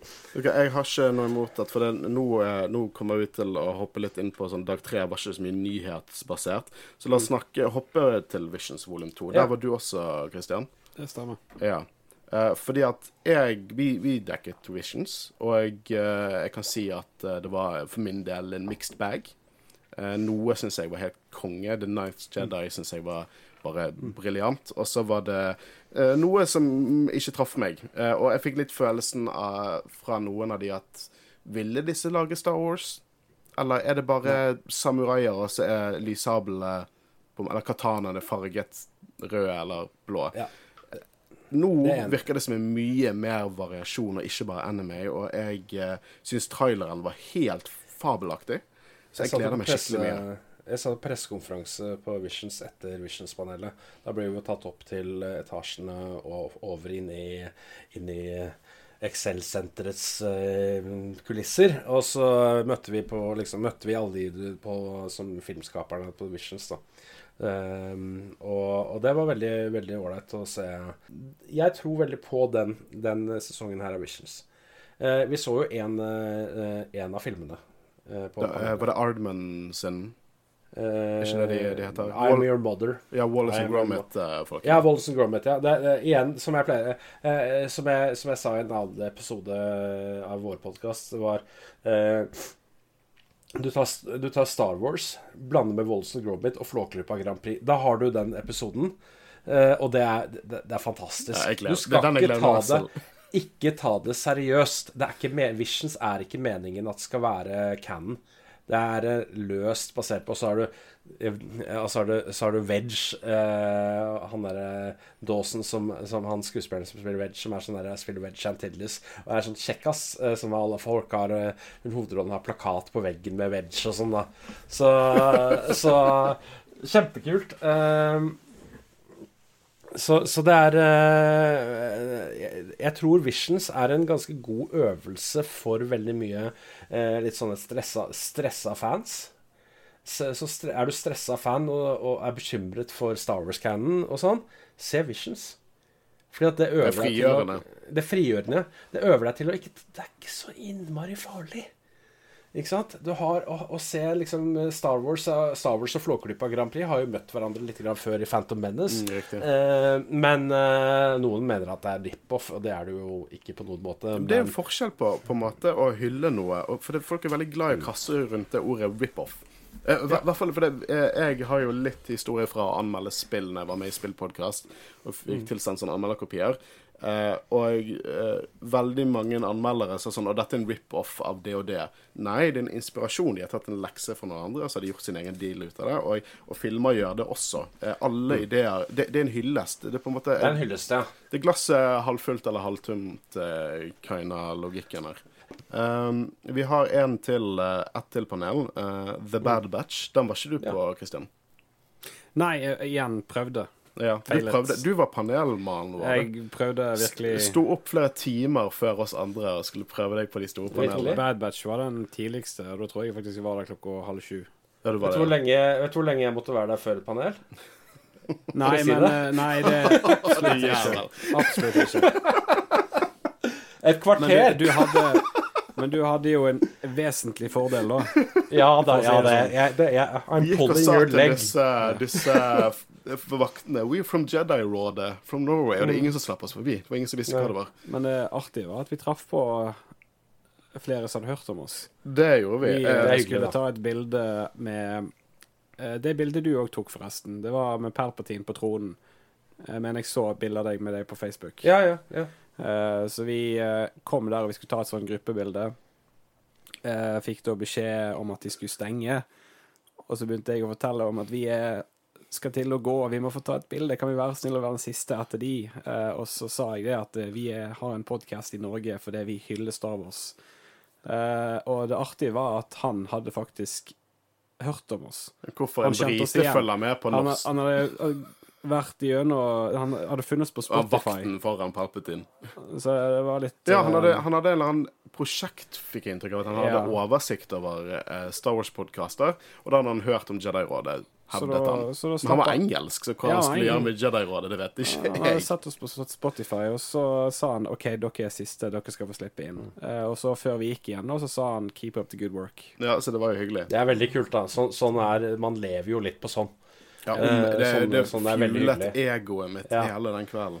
Apropos, jeg var der sammen med en eh, Jeg, jeg hang sammen, veldig mye sammen med en, en dansk journalist jeg møtte, da, som eh, gjør en del, eh, gjør en del sånn, eh, sånn Star Wars og sånne fandom-content. Dansk er jo veldig lett for norske eh, nordmenn å lese. Så det er fra, fra nettsiden Movie. Movie.dk. Den er verdt å sjekke ut, syns jeg. Uh, MOOVY.dk. Uh, de har masse Star Wars, masse fandom, masse sånn Indiana Jones og whatever. Uh, så det, det, er, eh, det var en liten plugg der, som dere kan Ja, men det er veldig innafor. Ja. Uh, hvor var vi? The Bad Bad, Batch. Batch, ja. Ja. Eh, du var der, Eirik. Jeg var der. Eh, Men uh, nå skal det sies at Bad Batch-panelet ble faktisk streamet til livestation. den ble det, ja. Men Mm. eh, problemet er at live livestation Det var veldig lite lyd når du kom langt bak, så jeg endte opp med ikke å få Mm. med meg noe. Men det jeg fikk med meg, var at uh, eh, sesong tre kommer, og det blir den siste. Det blir Ja. den siste, ja.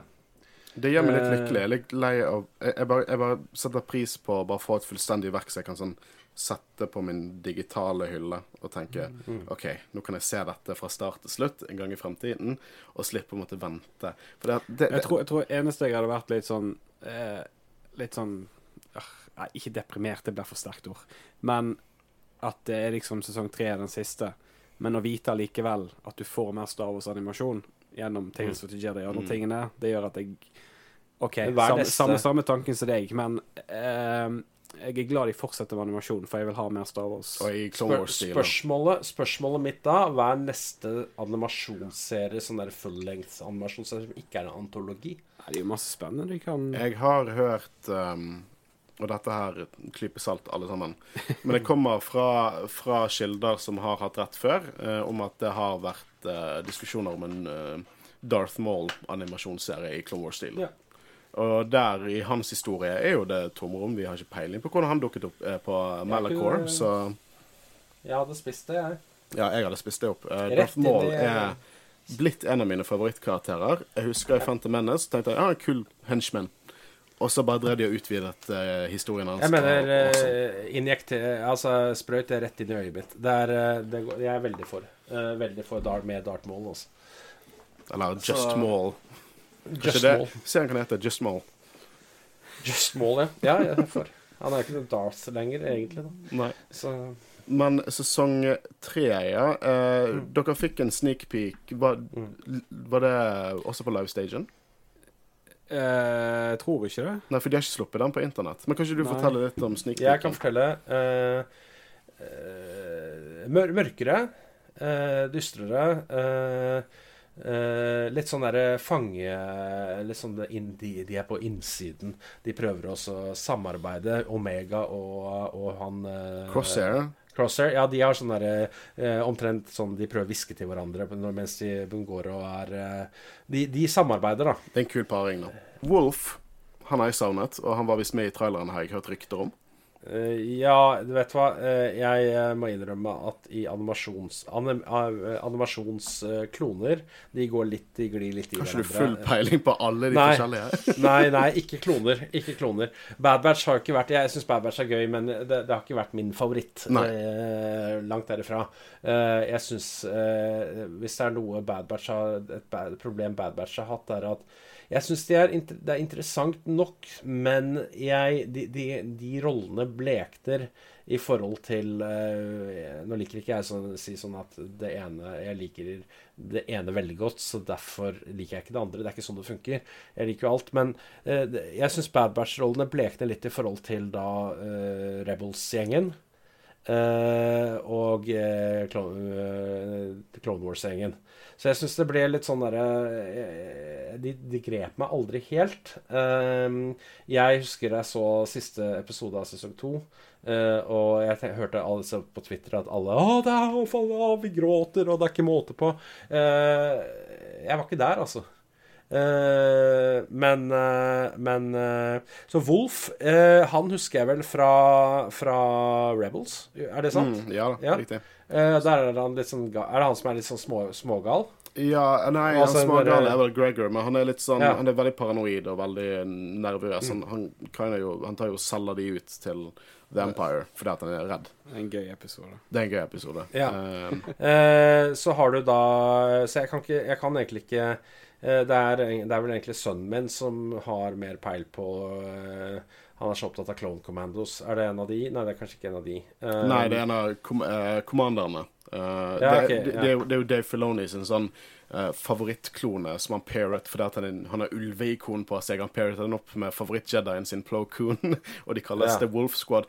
Han er ikke så diskré når det kommer til ulvene sine. Han, Nei, jeg har eh, Jeg kjøpte en T-skjorte med Asoka som rir på en ulv, så eh, på, Da jeg var på Celebration. Så ja, tegnet av, tegnet av, eh, tegnet av Dave Filoni. Hvorfor har tegnet til Dave Filoni? Det gjør den T-skjorten enda kulere. Eh, Det jeg husker forresten fra Clone Wars-panelet 15-årsjubileet, det var det at Dave Filoni hadde visst argumentert veldig mye til George Lucas om hvordan Plo Clune kunne overlevd, og fått han tilbake. Selvfølgelig gjorde han det. Jeg liker, jeg liker Dave Filoni veldig godt. Jeg liker også ulvene hans veldig godt. Jeg det- det har jo Filoni. vurdert har jo vurdert, eh, vurdert tatovering av Lothwolf eh, Ja, flere mm. lenge nå. Det hadde vært så, kult. så i hvert fall sånn stilisert, sånn nesten abstrakt Lothwolf hadde vært veldig kult. Men jeg, jeg begynner å Jeg begynner liksom Jeg vet ikke hvor jeg skal uh, tatovere meg lenger. Dave Filoni er Han er helt konge. Eh, Altså, alle skuespillerne jeg satt og så på intervju som har noe med han Altså, alle snakker så positivt om han. Ja, ja. Han er et Star Wars eh, eh, Wikipedia. Eller Ja. Ja. ja. Uh, det, det er så Han kjekt. er- Han er fan. Han var fan Ja, før han begynte å jobbe med det. han virker som en veldig varm person, og så virker han som veldig lett å jobbe med. Ja, og Så- så er det det, det Håkon. Det, eh, det den eh, Det du beskrev, når han tok av seg hatten. Ja. Mest eh, rørende øyeblikket. Et av de mest rørende Mm. øyeblikkene fra Celebrations. det stikker ut hos meg, for vi, vi var der i live eh, på scenen. Nei, den er det jo publikum der, i Vi, vi, vi var på scenen. Jeg var på scenen, kanskje neste år. eh, nei, om to år. Det var jo at han tok av seg hatten med tårer i øynene og ristende, skjelvende stemme, takket fansen, enten du kom kledd ut som eh, en karakter, eller du kun hadde på deg en Star Wars-T-skjorte. Han elsket hva fansen la inn i det. Og det, var, det er et av mine høydepunkt. Sånn, ikke som er nyhetsrelatert, ikke eh, noe som helst, bare Dave Filoni. At jeg fikk var i samme rom som Dave Filoni når han sa det, det er et av mine høydepunkt, personlige høydepunkt for Celebration.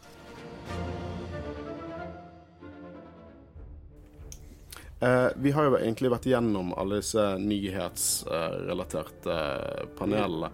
Men eh, la oss snakke, var det andre paneler du var på som du syns var merkverdige? Som du syns var rett og slett var gøy eller interessant? Eh, ja, jeg var jo på eh, Skal vi se eh, Jeg syns eh, det første panelet eh, For å ta det tilbake til starten, eh, der hvor eh, det første der til showcasen eh, Jeg syns at det var sånn der overveldende Det har jeg hørt andre disse- det som nyhetene, ja, alle nyhetene der. Eh, jeg syns det var eh, og- Også Jeg satt jo ganske langt framme, da. Eh, og jeg syns det er eh, Jeg må bare si en liten ting om Andor-panelet. Å se Jeg blir bare glad av, av å se Diego Luna når han snakker. Eh, han er så eh, ja, ja, jeg blir veldig sånn positiv, sånn der happy av å Og høre han er så snakke genuin og er Ja. eh, optimistisk og ja. Det er, Ja. Jeg er helt enig. Så, så Jo, og Kenobi-panelet var jeg på. Ja, du var på Kenobi-panelet, ja. Ja, det var jeg på. Og det var veldig fint, fordi at eh, jeg, jeg var ute på uh, Det er en litt morsom greie, fordi at jeg, jeg tok noen bilder av eh, av, eh, eh, av panelet, og jeg tok noen bilder av den skjermen også. Eh, Det pleier jeg ikke å gjøre. Jeg tar setter såpass at jeg kan ta bilder av dem som sitter på scenen. Eh, men, men det var morsomt, for jeg tok noe han, eh, Ewan McGregor kom jo ut med da eh, bakover eh, bak, hår, hans litt sånn halvveis krøllete hår litt sånn gredd bakover, i ganske styla, og en ganske kraftig bart. Det var Eh, en magisk bart. ja, ja. Og han, han, han Den sto det respekt av. Og det han så ut som altså, jeg, da, Den kvelden, da, jeg tror det var lørdagen, så eh, traff jeg en eh, var- jeg ute i London sammen med en, en venninne av meg jeg ikke har sett på 17 år. Uh, rett og slett. Uh, hatt kontakt med, men, men uh, jeg har ikke sett henne på 17 år etter siden vi studerte Eller vi jobb, hun jobbet og jeg studerte i Sydney. Og hun er fra nord, hun er nordtrønder. Og vi så på bilder, og du vet hvor dette går. så og, og vi så på bilder, og han ser det er ett bilde hvor du får sånn derre hun, er- hun er da klipper eh, med 20 års erfaring, sånn film, klipper film og reklamefilmer og sånn. Så det er sånn der blink picture. Altså du, du, du tar, får bildet akkurat idet han, han blunker. Så da ser han ut som Han ser sånn og barten og så håret. Det ser ut som en, en nordtrønder i motvind. Det er så utrolig bra. Helt fantastisk bilde. Han ser akkurat ut som han, han, han står liksom på kysten på langt oppe i nord, og så står og, så, og tenker på fisken, ikke sant. Så liksom blåser norsk hav og vind, blå kommer blåsende. Og det er altså vår Ewan McGregor. Eh, jeg, jeg må si da at og han er jo han kjempemorsom fyr. Eh, og så var jo Vivian Lara Blair der også. Hun spiller eh, unge Leia. Eh, og det, Moses Ingram var ikke der, men eh, eh, disse eh, Det var noen andre der også, og hun eh, som regisserte serien.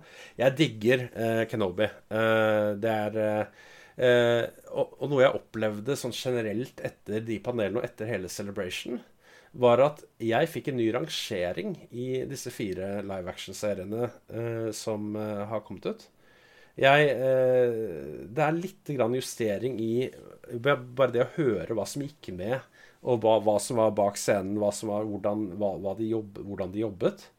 Eh, jeg har nå da eh, Rangeringen min er Andor, Kenobi, Mandalorian og Boba Fett. I den 1, 2, 3, 4. Ja, men det, det Så jeg, jeg elsker Kenobi. Vi begynte faktisk på den på nytt igjen. Um, jeg har nettopp sett den på nytt, jeg også. Uh, så vi ser en episode om kvelden. Og det, vet du hva, jeg, jeg, jeg har et sånt um, Jeg har problemer med å skru av mine sånn analyserende hjerne når jeg ser noe nytt Star Wars. Eh, og jeg, det problemet hadde jeg før uh, Jedi-rådet også. Uh, så jeg må alltid se ting to ganger. Så jeg først se, og da, da, får, da får jeg OK, dette er nytt tilskudd i min, mine religiøse tekster, som er Star Wars. og så etterpå så har jeg allerede akseptert OK, dette, dette er verket nå, dette totale verket nå, og så kan jeg se det på nytt igjen. Og det gjorde jeg med alle filmene på kino. Jeg tror jeg så alle tre ganger, og jeg gjør det med Mandalorian-episodene. Um, så de er nesten back to back eh, når de kommer ut. Uh, men uh, Kenobi nå, uh, og bare Bare se de. Og ikke sånn måtte, Nå må vi spille inn, nå må jeg huske å nevne det, nå må jeg skrive ned det. Jeg kunne publisert en ganske svær bok, kanskje en trilogi, basert på alle de notatene jeg har skrevet til denne podkasten. men uh, det, å bare se det nå og nyte det, bare sånn episode etter episode, Og episode det er jo Nydelig. motsetning til da Mandalorian uh, og i stor grad Andor, så er Kenobi én historie. Ja, og det setter jeg veldig pris på. Det er miniserie. Eh, Det er miniserie. Seks episoder, en, forteller én historie, og det er greit. Og det ender Og så var jo Hayden Christensen var jo selvfølgelig der også. Eh, og, det, og de gikk gjennom sine favorittscener fra serien, eh, hver av skuespillerne. Eh, og så sa, så sa, eh, sa Ewan McGregor eh, på, helt på slutten av eh, eh, av panelet at eh, Sånn takket for, at, eh, for fansen at de hadde supporta serien. Og, eh, og kanskje vi skal lage litt mer, sa han. Å, det er farlig å si der inne, altså. Ja, og da jublet folk. jublet, selvfølgelig. Det ligger, ligger til kortene. For Ja, for det er du, du jeg, er jeg tror det kommer en sesong to. Ja. Ja, ja. Det er da som er Luke-orientert, da. Det vil jeg da tippe. Første Ja, det, er- det er hjertet også. Jeg, jeg, jeg, jeg er der òg. Jeg er der og, og, og på en måte ser det også. Men jeg må si at jeg er fan av én sesong, én serie, miniserie. Done deal. Nå kan jeg sette den i min digitale Star Wars Eller min uh, Star Wars-arkiv i hodet mitt. Uh, jeg er så jævlig lei av å vente. Ja. Sånn, jeg, jeg har fått nylig For jeg husker når, jeg, eh, når eh, Disney kjøpte uh, Star Wars. Og jeg, de begynte å snakke om alle disse filmene og prosjektene de hadde planlagt. Sant? Og så fikk jeg plutselig noe nytt jeg ikke har følt før på det tidspunktet i livet. Og det, det liksom, jeg var jo Jeg var jo rett ut av videregående når det skjedde. Eh, og jeg, jeg fikk dødsangst. For tenk hvis jeg dør og går glipp, av det. Ja, men da er du død, så det er liksom ikke så farlig. Så, Dette kom litt tilbake nå etter denne celebration. Tenk hvis jeg dør før Mando blir konkludert. Ja, men nå, nå kommer du Altså, når du dør vet du, det stedet, Hvis du kommer til et sted eh, da, så er det bare sånn der eh, Da er det celebration, og det er bare kulisser, og det er bare masse cowboyhatter til Dave og sånn. Så det er eh, det er ikke, de, har ikke, har ikke glorie der, de har cowboyhatt. Og um, Nei, så det er eh, Ja, det er, du har vel noen år til, tenker jeg. Jeg Men du Jeg tipper at sånn som så Lucasfilm og Disney holder på, så kommer du til Du kommer ikke til å overleve Star Wars. Nei, ikke. Det er en trist tanke. At, vi, eh, vi, at Star Wars kommer til å fortsette etter oss. Sitter Ja. på gamlehjemmet, vi. Vi får prøve å planlegge å komme inn på samme gamlehjem, sånn at eh, vi tre kan liksom eh, spille inn Fortsette podkasten. Ja. Geriatric Star Wars. Uh, Hvor mye har vi om 20 år? De sier jo i Attack of the Clones Vi må prøve å ta inn den quoten når liksom kodeordet for Jedi Temple er Old Folks Home, som Kenobi kaller det. Eh, men jeg, eh, et av mine favorittpaneler som jeg var på, var eh, å høre Doug Chang snakke om, eh, om designvalgene de tok til Mandalorian. Og, Han eh, satt jeg ved siden av i lobby, en lobby på et hotell. På pressehotellet. Det er helt utrolig kult. Og Ja, han er han en av bare- mine store helter bak dette her. Han kom og satte seg, han. Snakket du med henne? Nei, jeg, jeg, jeg Men det var en fra han derre en, en journalist fra eh, et eller annet Jedi Council eller Nei, det var det, det, noe som ligner deres navn, bare på engelsk. Jedi et eller annet. Eh, amerikansk eh, sånn skjeggete fyr. Han gikk bort og, eh, og tok den i hånda og ga han en badge. Ja. Så jeg, jeg, jeg tenker, litt, sånn, litt sånn som når, når jeg er journalist eh, og jobber som journalist, så har jeg litt sånn greie om at jeg ikke skal gå Her kan jeg få autografen din? Det er litt uprofesjonelt. ja, det forstår jeg. Um, Så Men, men å høre han snakke og vise bilder fra hans første battle droid For det, B1 Battle Droid det var jo hans på en måte design. da Så det er et bilde fra slutten av 90-tallet, 98 tror jeg, eller 97. Han står der, så holder han på en måte hånden sin oppå hodet til en B1 Battle Droid. Og så ser du eh, et annet klipp fra et par år tilbake når han holder på hodet til B1 Battle Droid, som er med i, um, i denne episode seks av The Mandalorian sesong tre. Eh, og han gikk gjennom veldig mye sinnssyke design, og hvordan på en måte designet eh, denne suit-up-scenen til Vader i Kenobi-serien. Og bare høre han snakke om det eh, var helt fantastisk. Og når han nevnte Moses Engram, jubel. Alle jublet. Han, han, han ble avbrutt og sa han måtte ta en liten pause fordi han måtte vente til jubel ble over. Fordi folk viste sin støtte til Moses Ingram. Det, Ja, det er jo litt å, litt å si om det. er jo at Det var, det var en, en YouTuber eh, som eh, nevnte Jeg tror jeg delte det på Twitter. Eh, som eh, Så det kommenterte dette med hun derre Lizzie eh, og ba Backlash. Lizzo, ja. Lizzo- du har Lizzo. på meg på det før òg. Ja, ja, backlash rundt Jeg sier alltid Jack Black fordi jeg husker ikke hva den andre het. Um, om, eh, om det er backlash på en måte rundt det, da. Og så sa, gikk han tilbake og analyserte hvem er det som egentlig eh, eh, tiltrekker seg da sinne til en viss da fangruppe. Jo, det er jo altså det er hun, det er Moses Ingram, det er uh, Marie Tran, uh, det er, uh, det er eh, liksom da Eh, Det er Stormtrooper Finn, ikke sant? Kan jo ikke ha eh, svart Stormtrooper. Eh, det blir veldig mye Det er litt gjennomsiktlig. Sånn derre casual racism. Ikke bare casual, Det egentlig. det. Det er, litt, det er ganske gjennomsiktig at det er, det er kvinner, og det er da mørkhudede de, de går etter. Eh, så sånn stort sett det, det går for mye igjen da til at det er Det er, eh, det, det, er liksom, det virker ikke tilfeldig. Eh, så jeg lurer jo litt på med Acolyte, da, hvor det er en god del mørkhudede eh, og asiatiske skuespillere. Jeg lurer jo litt på, eh, på hvor eh, Hva vil reaksjonen være der? Disse samme fansene liker jo også ganske voldelige og mørke, mørke historier i Star Wars. De skal ha det skal være tøft, ikke sant? Eh, nå generaliserer jeg, beklager, folkens. Men, men hvordan vil de da Vil de finne noe å være hissig på der også?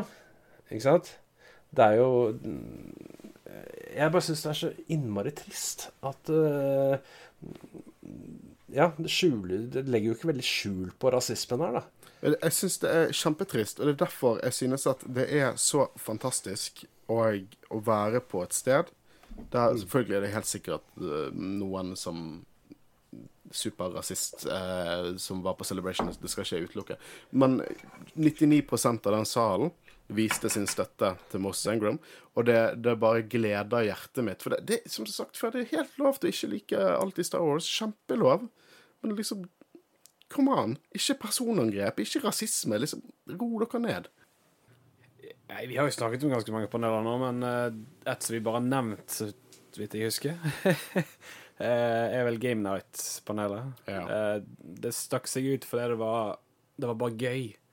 Det var bare gøy. Det var Eh, goofy, gøy, og de hadde det så gøy. Stemmeskuespillerne som bare koser seg med eh, beste one-linersene fra hele Clone Wars, så jeg kan trekke frem det. Men uh, utenom det så har det skjedd mye spennende på Celebrations. Uh, nei, det var på stagen, det. Der uh, er det James Nei, hva heter det? James Arnold Taylor. Ja. Uh, fortalte en historie om at han og Matt Lantern bodde ganske nærme hverandre, men Matt Lantern bodde eh, i større høydemeter over han, så han hadde the high ground. så, ja. Ja, James Arnold Taylor, han er Han er konge. Han er konge. Han er så goofy og konge, og hele den gjengen du hører de snakke, og bare de Bradley Baker, som bare er de en eksentrisk liten mann som bare spiller eh, mest voice acting roles-karakterer i hele Star Wars. Konge. Og bare høre han si 'Good soldiers follow orders' i Crosshairs sin stemme. Er det, jeg, jeg, eh, en kompis som var med, han sa at hans høydepunkt var å se meg vitne til det. Eh, så det. Så det traff. Men for å runde av her eh, dette, Jeg tror vi kan konkludere med at Celebration var, var, var vellykket. Ja, det er med på den. Eh, Det var eh, Vil jeg gjøre det igjen? Eh, Jeg tror ikke jeg kommer til å gjøre Så det blir ikke Tokyo i 2025? Ok. Med, med, OK, den, da, da, må, da må Disney fly meg dit også og uh, ta oppholdet. Ja, for de flybillettene, de er er fly, jeg, måtte ta, jeg måtte ta flybilletten til London og, og, og hotelloppholdet. Det var greit. Det var, eh, det var, hotellene var jo mye, mye dyrere. Eh, Det var påske, og det var uh, celebration. Så, eh, så eh, Jeg vet ikke om den, den spilte inn, men, eh, men det var påske, så hotellprisen var dobbelt. Um, men uh, ja, jeg kommer ikke til å ta det på egen regning. Eh, Nei, det men- forstår jeg veldig godt. Uh, jeg har, allerede- vi har allerede begynt å spare opp til, til uh, Faen, hvorfor forlovet jeg meg? Jeg må, jeg må gifte meg også. Sant? Det er jo det som kommer på enden av en Det er dyrt. Ja, det er dyrt. Kombo. Ja. og Guro elsker Star Wars, men hun Hun hadde drept meg. 725 bryllup og uh, Celebration. Hun sa én ting til meg. Du frir ikke til meg på Celebration. Så jeg gjorde det Det var ikke på Celebration, det var i samme by. Men Jeg har, jeg har en sønn som er, elsker alt med Japan, så eh, så, så han man må jo bare kombinere det. Han må gjøre det til en tur Ja. sånt. Han er glad i Star Wars også, men ikke sånn helt sånn super eh, Han syns det er litt sånn derre Han syns det er litt sånn Jeg vet ikke om det, han syns det er kjipt, eller om han syns det er litt Han syns at jeg, når jeg snakker om jobb, så så syns han Å, du er litt heldig, og du, er du dust, eller? Det han er 21. Så, han så pappa er litt sånn derre teit. Så Så han, han eh, Nei da, men hadde jeg invitert han med til eh, Tokyo eh, for å være med på Celebration, eh, så hadde han nok eh, plutselig blitt veldig Star Wars-fan, tror jeg. Eh, Jeg alltid på å si eh, veldig glad at det er 2025 og ikke 2024. Enig. Ja ja, det må få litt pause her, altså. Ja. Uh, men det er mye Star Wars i, i fremtiden. Ikke så mye T-visorer i nærmeste fremtid, men nå er vi nettopp ferdig med en hel sesong av Mandalorian, så jeg, jeg, skal, jeg skal si meg fornøyd med T-visorer inntil videre. Eh, men Eirik, hvor kan våre kjære lyttere finne deg? Og hva holder du på med for tiden? Jeg eh, er eh, eh, ansvarlig redaktør i Filmmagasinet, så det er filmmagasin.no. Ja, så Og hvis du følger Filmmagasinet på sosiale medier, så er det sannsynligvis meg dere skriver med hvis dere kommenterer noe, at det er jeg som er bak alle sosiale medieplattformene utenom TikTok. Eh, det har jeg ikke helt eh, forstått ennå. Men vi har TikTok også. Eh, og nå har vi jo også en podkast som heter Filmmagasinets podkast. Jeg for originale titler. Eh, Ja, men det er det som er nøkkelen. Folk må bare skjønne hva det går i. Sånn, Ja, ja. Uten fancy navn. Og den, har, den podkasten den er det bare å gå til, for den vi har Norges eh, vi, har, vi er flinke til å få inn Norges største filmpersonligheter. Vi hadde den nyeste episoden som kom ut, uh, er, har Kristoffer Hivju. Eh, og det er jo ingen større skuespillere i Norge. Uh, så han uh, Men problemet er at Spotify har uh, feilkategorisert oss. Så det er ikke så lett Jeg merker å dette plager deg, Eirik. dette plager meg veldig. Eh, men vi, og de, de, fordi de, det plager meg fordi de ikke klarer å rette opp. Eh, men eh, så Filmmagasinets podkast, så hvis dere vil støtte den litt, så er det bare å gå og høre på den. Eh, ellers så Og gi den fem stjerner. Eh, ellers så eh, Men det er sånn filmnerdete Vi har Star Wars-greier der også, men eh, det er sånn filmnerdete om alt mulig. Vi, har, vi kommer til 8. 8. mai så har vi en episode med Erik Poppe, som er en av de store norske filmregissørene. 'Kongens nei' og Quisling-filmen som kommer. Eh, ellers så Ja, det er det. Facebook, Filmmagasinet. Ellers så sånn personlig så gearer jeg opp til å ny runde med Golden Globe Awards. Så, som, jeg, som det betyr at jeg skal se veldig mye filmer og serier nå i år. Men det er jo det, er jo det jeg driver med så, fra før. Så Det høres jo bare gøy ut. ja, det er, det er, det er gøy. Det er, eh, så da blir det vel litt sånn eh, eh, stemme på finne, finne Hvis noen har noen tips til veldig gode filmer og veldig gode serier som jeg kanskje har glemt å se på, som er, har utgivelsesår i USA 2023, eh, mellom 2023, altså i løpet av 2023, så er det bare å si ifra. Så kan jeg ta en titt. Fordi jeg kan ikke se alt. Og eh, selv om jeg skulle ønske jeg kunne det. Eh, det er nok eh, en ganske stor sjanse for at eh, du kommer til å dukke opp igjen på Jedi-rådets feed. Jeg gjør gjerne det. Yes. Det, Det er, det eh, er glede å ha deg med. Jeg setter pris på positiviteten. Ja, det er det vi, Eh, vi prøver å gønne på med. Så det, det, vi setter pris på at du setter pris på det. Eh, og eh, jeg tenker at vi, vi avslutter der. Tusen takk for at du kom og delte dine erfaringer med Celebration når vi var så uheldige og kun fikk uh, Villains of the Sequel Trilogy der det var ingen nyheter, Ja. selv om det var veldig gøy. Nei, og så er det jo en nyhet der at snart så vet Billy D. Williams virkelig ikke hvor han er. Så det er jo en Det, det er jo This just in, altså Billy D. Williams funnet på Nordpolen eller noe sånt. Der han, han hadde en bok. Jeg tror ikke han visste at han hadde skrevet en bok eller noe sånt. Nei, han, eh, Han begynner å bli gammel. han begynner å bli gammel. eh, Så min drøm om en, eh, om en Lando anthology-serie der han uh, voiceoveren og Donald Glover spiller unge Lando, det tror jeg at jeg skal se lenge etter. Ja, men Donald Glover kan gjøre det uten Billy D. Williams. Det kan han. Jeg tror ikke du skal utelukke det. Nei. Må jo bli ferdig med Bad Batch også, vet du. Vi eh, tok oss en pause der. Det er mye, det er mye som kommer fra Jedi-rådet. Uansett, vi snakkes om et par dager sikkert. Mitt navn er Håkon Øren. Jeg har sittet sammen med Kristian Høgen Aspen. Og Eirik Bolle. ha det godt.